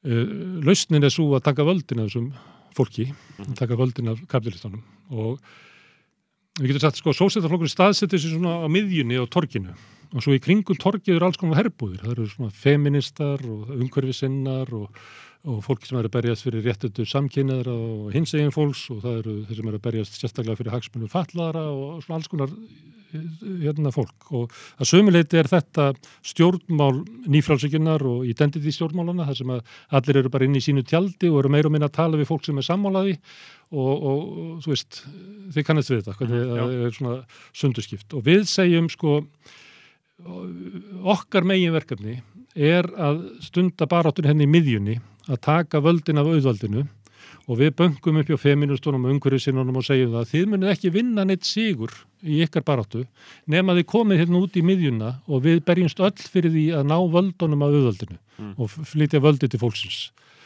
Í því fælst ekki að við ætlum að verða sko mestu feministandur og mestu umhverjusinnandur, við ætlum ekki að draga línuna í kringu það og við ætlum ekki að flokkurinn ætlum ekki að vera með lausn á öllum málum og bestu lausn á öllum málum. Það er bara, það er bara mjög gott líðræðislegt að, að sko deiglan sé sagt, sérstaklega í feministatjaldinu og umhverjistjaldinu það sem er, en síðan er það þessi samilega barátta sem að var lögð niður í nýfrálsökinni sem að við verðum að taka upp og þá segjum við við umhverjusfólki komið með okkur og, og berjist eh, til að ná völdunum, þannig að almenningur hafi ykkur völd í samfélaginu, þá hafið þið möguleika á því að vinna ykkur að sigra ef að við vinnum ekki auðvaldið á miðjunni, að þá verður ykkur ekki skamta en eini sigrar sem að auðvaldi settis ekki við Mm. Og hvaða eh, sigra umhverfis hérna eh, sinna sættir auðvaldi sér við, það sættir sér við að er þetta búið til business úr þessu? Þannig að við getum farið að svona versla með hérna, heimildir og eitthvað svoleiðis? Geti ég bara grætt á því að, að, svissa yfir í ramaspíla og það er bara hægt að gera eitthvað sem auðvaldi til að græða á? Feministatjaldi, það er, hérna, jú, við erum til að taka þátt í að berjast fyrir sko hagsmunum hérna bestsettu kvenna, mm, jöfn, hérna stjórnarseta í stærri fyrirtækjum og hjá henni opibera og hitt og þetta en okkur anskota sama og brjóta glerþögg en okkur anskota sama um konundar sem ganga glerbrótunum handa niðri eða Mm. fólki sem er orðið í kjallaranum og að sömuleit er þetta sorgarsaga sko síðustu 40 ára að við tökum kannski svona dæmi í bandaríkjónum kannski að við getum sagt að, að millistjættamaður, svartur millistjættamaður í New York að lífsstaða hans núna, lífskilir hans núna og 1970 eru mjög ólík Mm. en lástjættar kona svört í Louisiana í, í er, núna 1970 og 2020 það er engi munur sko. Nei, bara sama. Já, að, að, að þegar að, að, að allir sigrarnir eru bara deildir út með hvað auðvaldi þólir að gefa Mm. að þá er engin sko réttarbætur, eh, engar lífskjarabætur fyrir hinn að verðsettu. Og þetta er eiginlega erindi sósjalistana til sko umhverjusinnana, við ætlum ekki að yfirtaka baráttun ykkar, við- vegna þess að það er bara mjög gott að, að það séu svona margar miðjur í baráttunni og það er ekki eins og kannski sósialdemokrata flokkanir ætluðu 1950 að vera raunverulega öll baráttan, hvenna baráttan og öll baráttan sem að bara meikar eiginlega ekki sens því að það er náttúrulega miklu, og það er ekki bara eitt flokkur sem að getur tekið ákvörðun og, og hafa bara úrskurðar vald um allt. En okkar hlutverk er fyrst og fremst hinn almenna barátt út á torkinu með hinnum fátakust og gúðust. Já. Og svo hugsa ég líka sko hvernig, hvað stöndu innan imperialismans, skilur hvað, uh, hvernig, hvernig nálgist þið það, þannig að það er svona og ég sé að taka svona allir frambjöðundi fá tól spurningar, imperialismi, go, eða þú veist, um bandaríkin og bara samband okkur bandaríkin og bandaríkin sem stórveldi, er það hvort þið er að gliðin í sundur, þurfum við ekki að hafa áhyggjur á viðskita samböndum, eða ég meina þau eru með, þau eru það með her, skilur, Já, já. við erum ennþá í NATO, Við, það, viðbjóðslegt heimseldi. já, við, og, en Og við erum bara umgangast að þannig. Ég meina, farið bara, takið hérna túrum og skoðið í hérna sendiráðin hérna í Reykjavík, skoðið hérna rúsneska sendiráðið í Tungötu og kýmveska sendiráðið hérna niður í Borgatúni og farið svo að skoðið banderska sendiráðið. Það er bara, þetta er bara þjóð sem, eða, stjórnvöld sem er í stríði við heiminn, sko. einmitt. Þau eru búin að vera að flagga í hálfa stöng Já. núna af því hann Gunther, húðlæknir, sendi herra, Já. er, er að Já. uh, Tap. Trump, já. búin að flagga í hálfa stöng þrjátaður Ég er svolítið gaman að Gunder sko. Þannig að, en já við Þetta, ekki, en erum við þetta, þetta er bara, þetta er hættulegt eh, og að vera að bjóða hérna Pompeo og Kissan og svona, þetta er bara viðstökilegt. Mm. Já, já, já.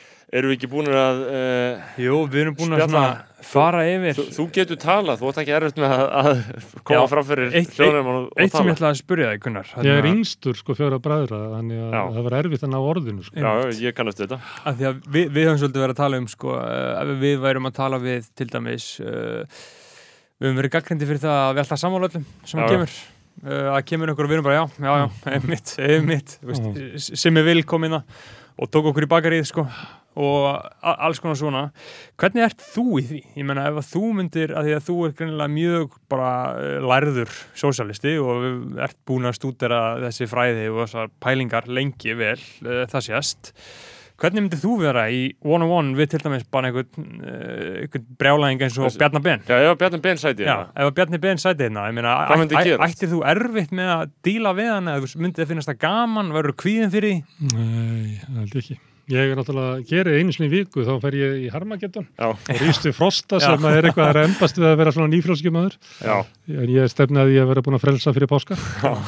Þannig að ég tek svona debatt. En það sem er eiginlega gallin við hægrið er að hægrið er svo, það er svo döll og leiðilegt sko. Það er, hérna, það er eiginlega, sko, kannski 1980 þegar nýfrálsingin er að koma að þá þurfti hægrið að hafa fyrir því að vera með rökin og Mhm. þú veist þegar Hannes Holmstedt var ungur þótt að mér leiðist að sko hæla honum eitthvað að þá var hann snjall sko, Ég er alveg rök því, og skilmast, hann var góður í að skilmast mér finnst, gam, mér finnst gaman að hafa Hannesina, mér finnst mjög gaman að tala við hann. hann er náttúrulega ekki búin að vera skemmtilegur sko í 20 ár Nei, nei, en, en, En ég, hann mér langar að fá henni þáttir. En hann þurfti að hafa fyrir því Já. 19- 1980 Mhm. En svo kynnslóðin sem er að stýra hægrinu núna eins og Bjarni og, og, og, og það fólk það hefur aldrei þurft að berjast fyrir sko sínu sjónamiðum Já. að það var alltaf gefin sannleikur. Þetta var alltaf status quo-ið. Þetta er svo leiðilegt hérna, ja, við viljum selja bankana. Ákverju að þeir ríkja og gera eitthvað banka. Ákverju ekki?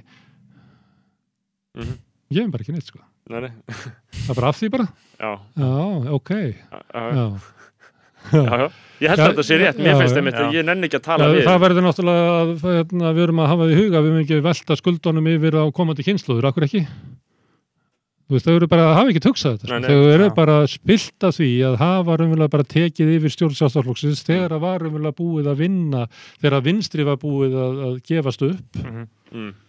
og þess vegna er hérna, ekkert sérlega gaman að tala við hægri sko. Nei, það er miklu, eða svona eða minnst alltaf gaman að, minnst mjög gaman að tala við Frosta Mm. hann er svona, Já, hann er náttúrulega reynir hann reynir alltaf já, og hann er náttúrulega nýfarin yfir til, aðna, yfir í þetta, hann var svolítið bara mikill vinstri maður, þannig Aha. séð, held ég. Já. Mér finnst þess að Frosti sé í setni tíð búin að svona korporate væðast einhver, einhver leiti, hann vill Mm. svona, já, hann er í þessum pakka núna, uh, Er hann er það að fjárfæsta í bitcoin. Já, er, er, er, það ekki Já, ykkur? það var rosalegt, það var með svona bara blastaði svona kynningu á Bitcoin, allir það við aukið salan á því eftir hann þátt. Ég, við þurfum það eiginlega að fá trost, Frosta Já, yngar. við erum að fá frost og mána, Já, sáum, sko. já, Já, ætli hann hafi ekki lent í ykkur um Jordan Peterson algoritma, sko. já, ég, ég held að sé hægt á því. sko. Fund- Fundið eitthvað sannleik þar. Herðu, þið þurfum að fara að sofa Já, stafnir. Já. þarna við þurfum bara svo. Takk kjærlega fyrir komuna. Já, það var mjög gaman að, að spjalla við þig Þarna, og uh, þið tjekkið á, á samstöðinni ef maður ætlar að leita að einhverju. og YouTube. og YouTube, YouTube, ég veit ekki hvað Ég- Að leika til samstöðum.is. ætti ekki að fara fram hjá ykkur í Nei. öllu falli. Algjörlega, Guð- Gunnar Smári, takk fyrir þetta.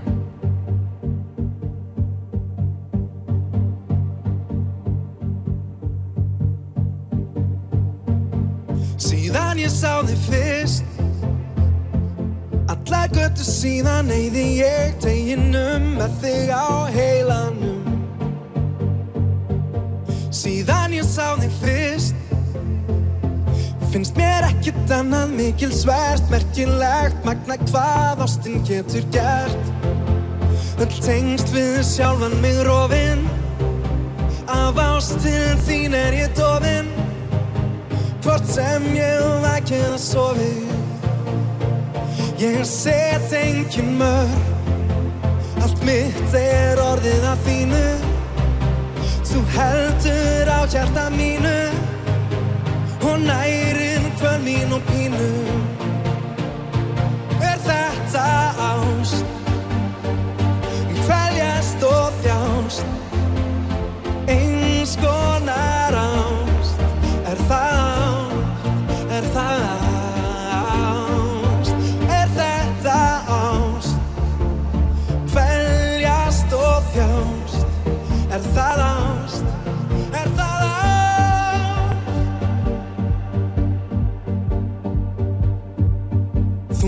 það sem ég vil. Eitthvað meiri háttar þarf að ske til að ég hætti að elska þig. Alveg viss er um það. Þú að sendi mér til björgunar. Þú þarna áttunda undur veraldar Öll tengst við sjálfan mig rofin. Af ástilin þín er ég dofin. Hvort sem ég vakið llena sofið Ég set engin mörg Allt mitt er orðið af þínu. Þú heldur á hjarta mínu Og nærir kvör mín og pínu. Er þetta að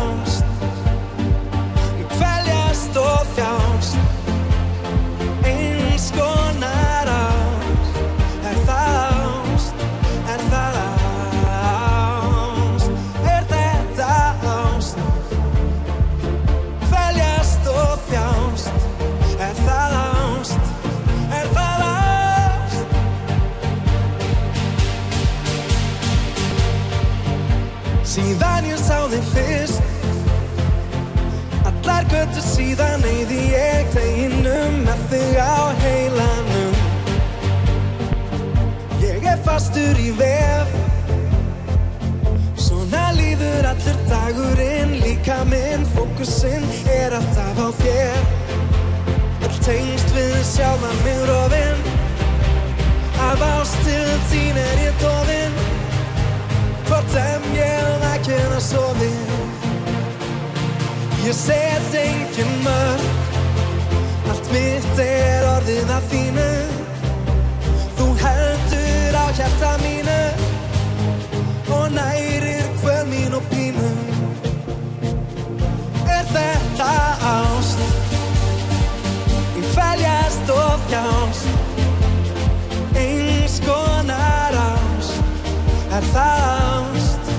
þjást. Kvæljast og þjást. Eins konar ást. Er það ást, er það ást?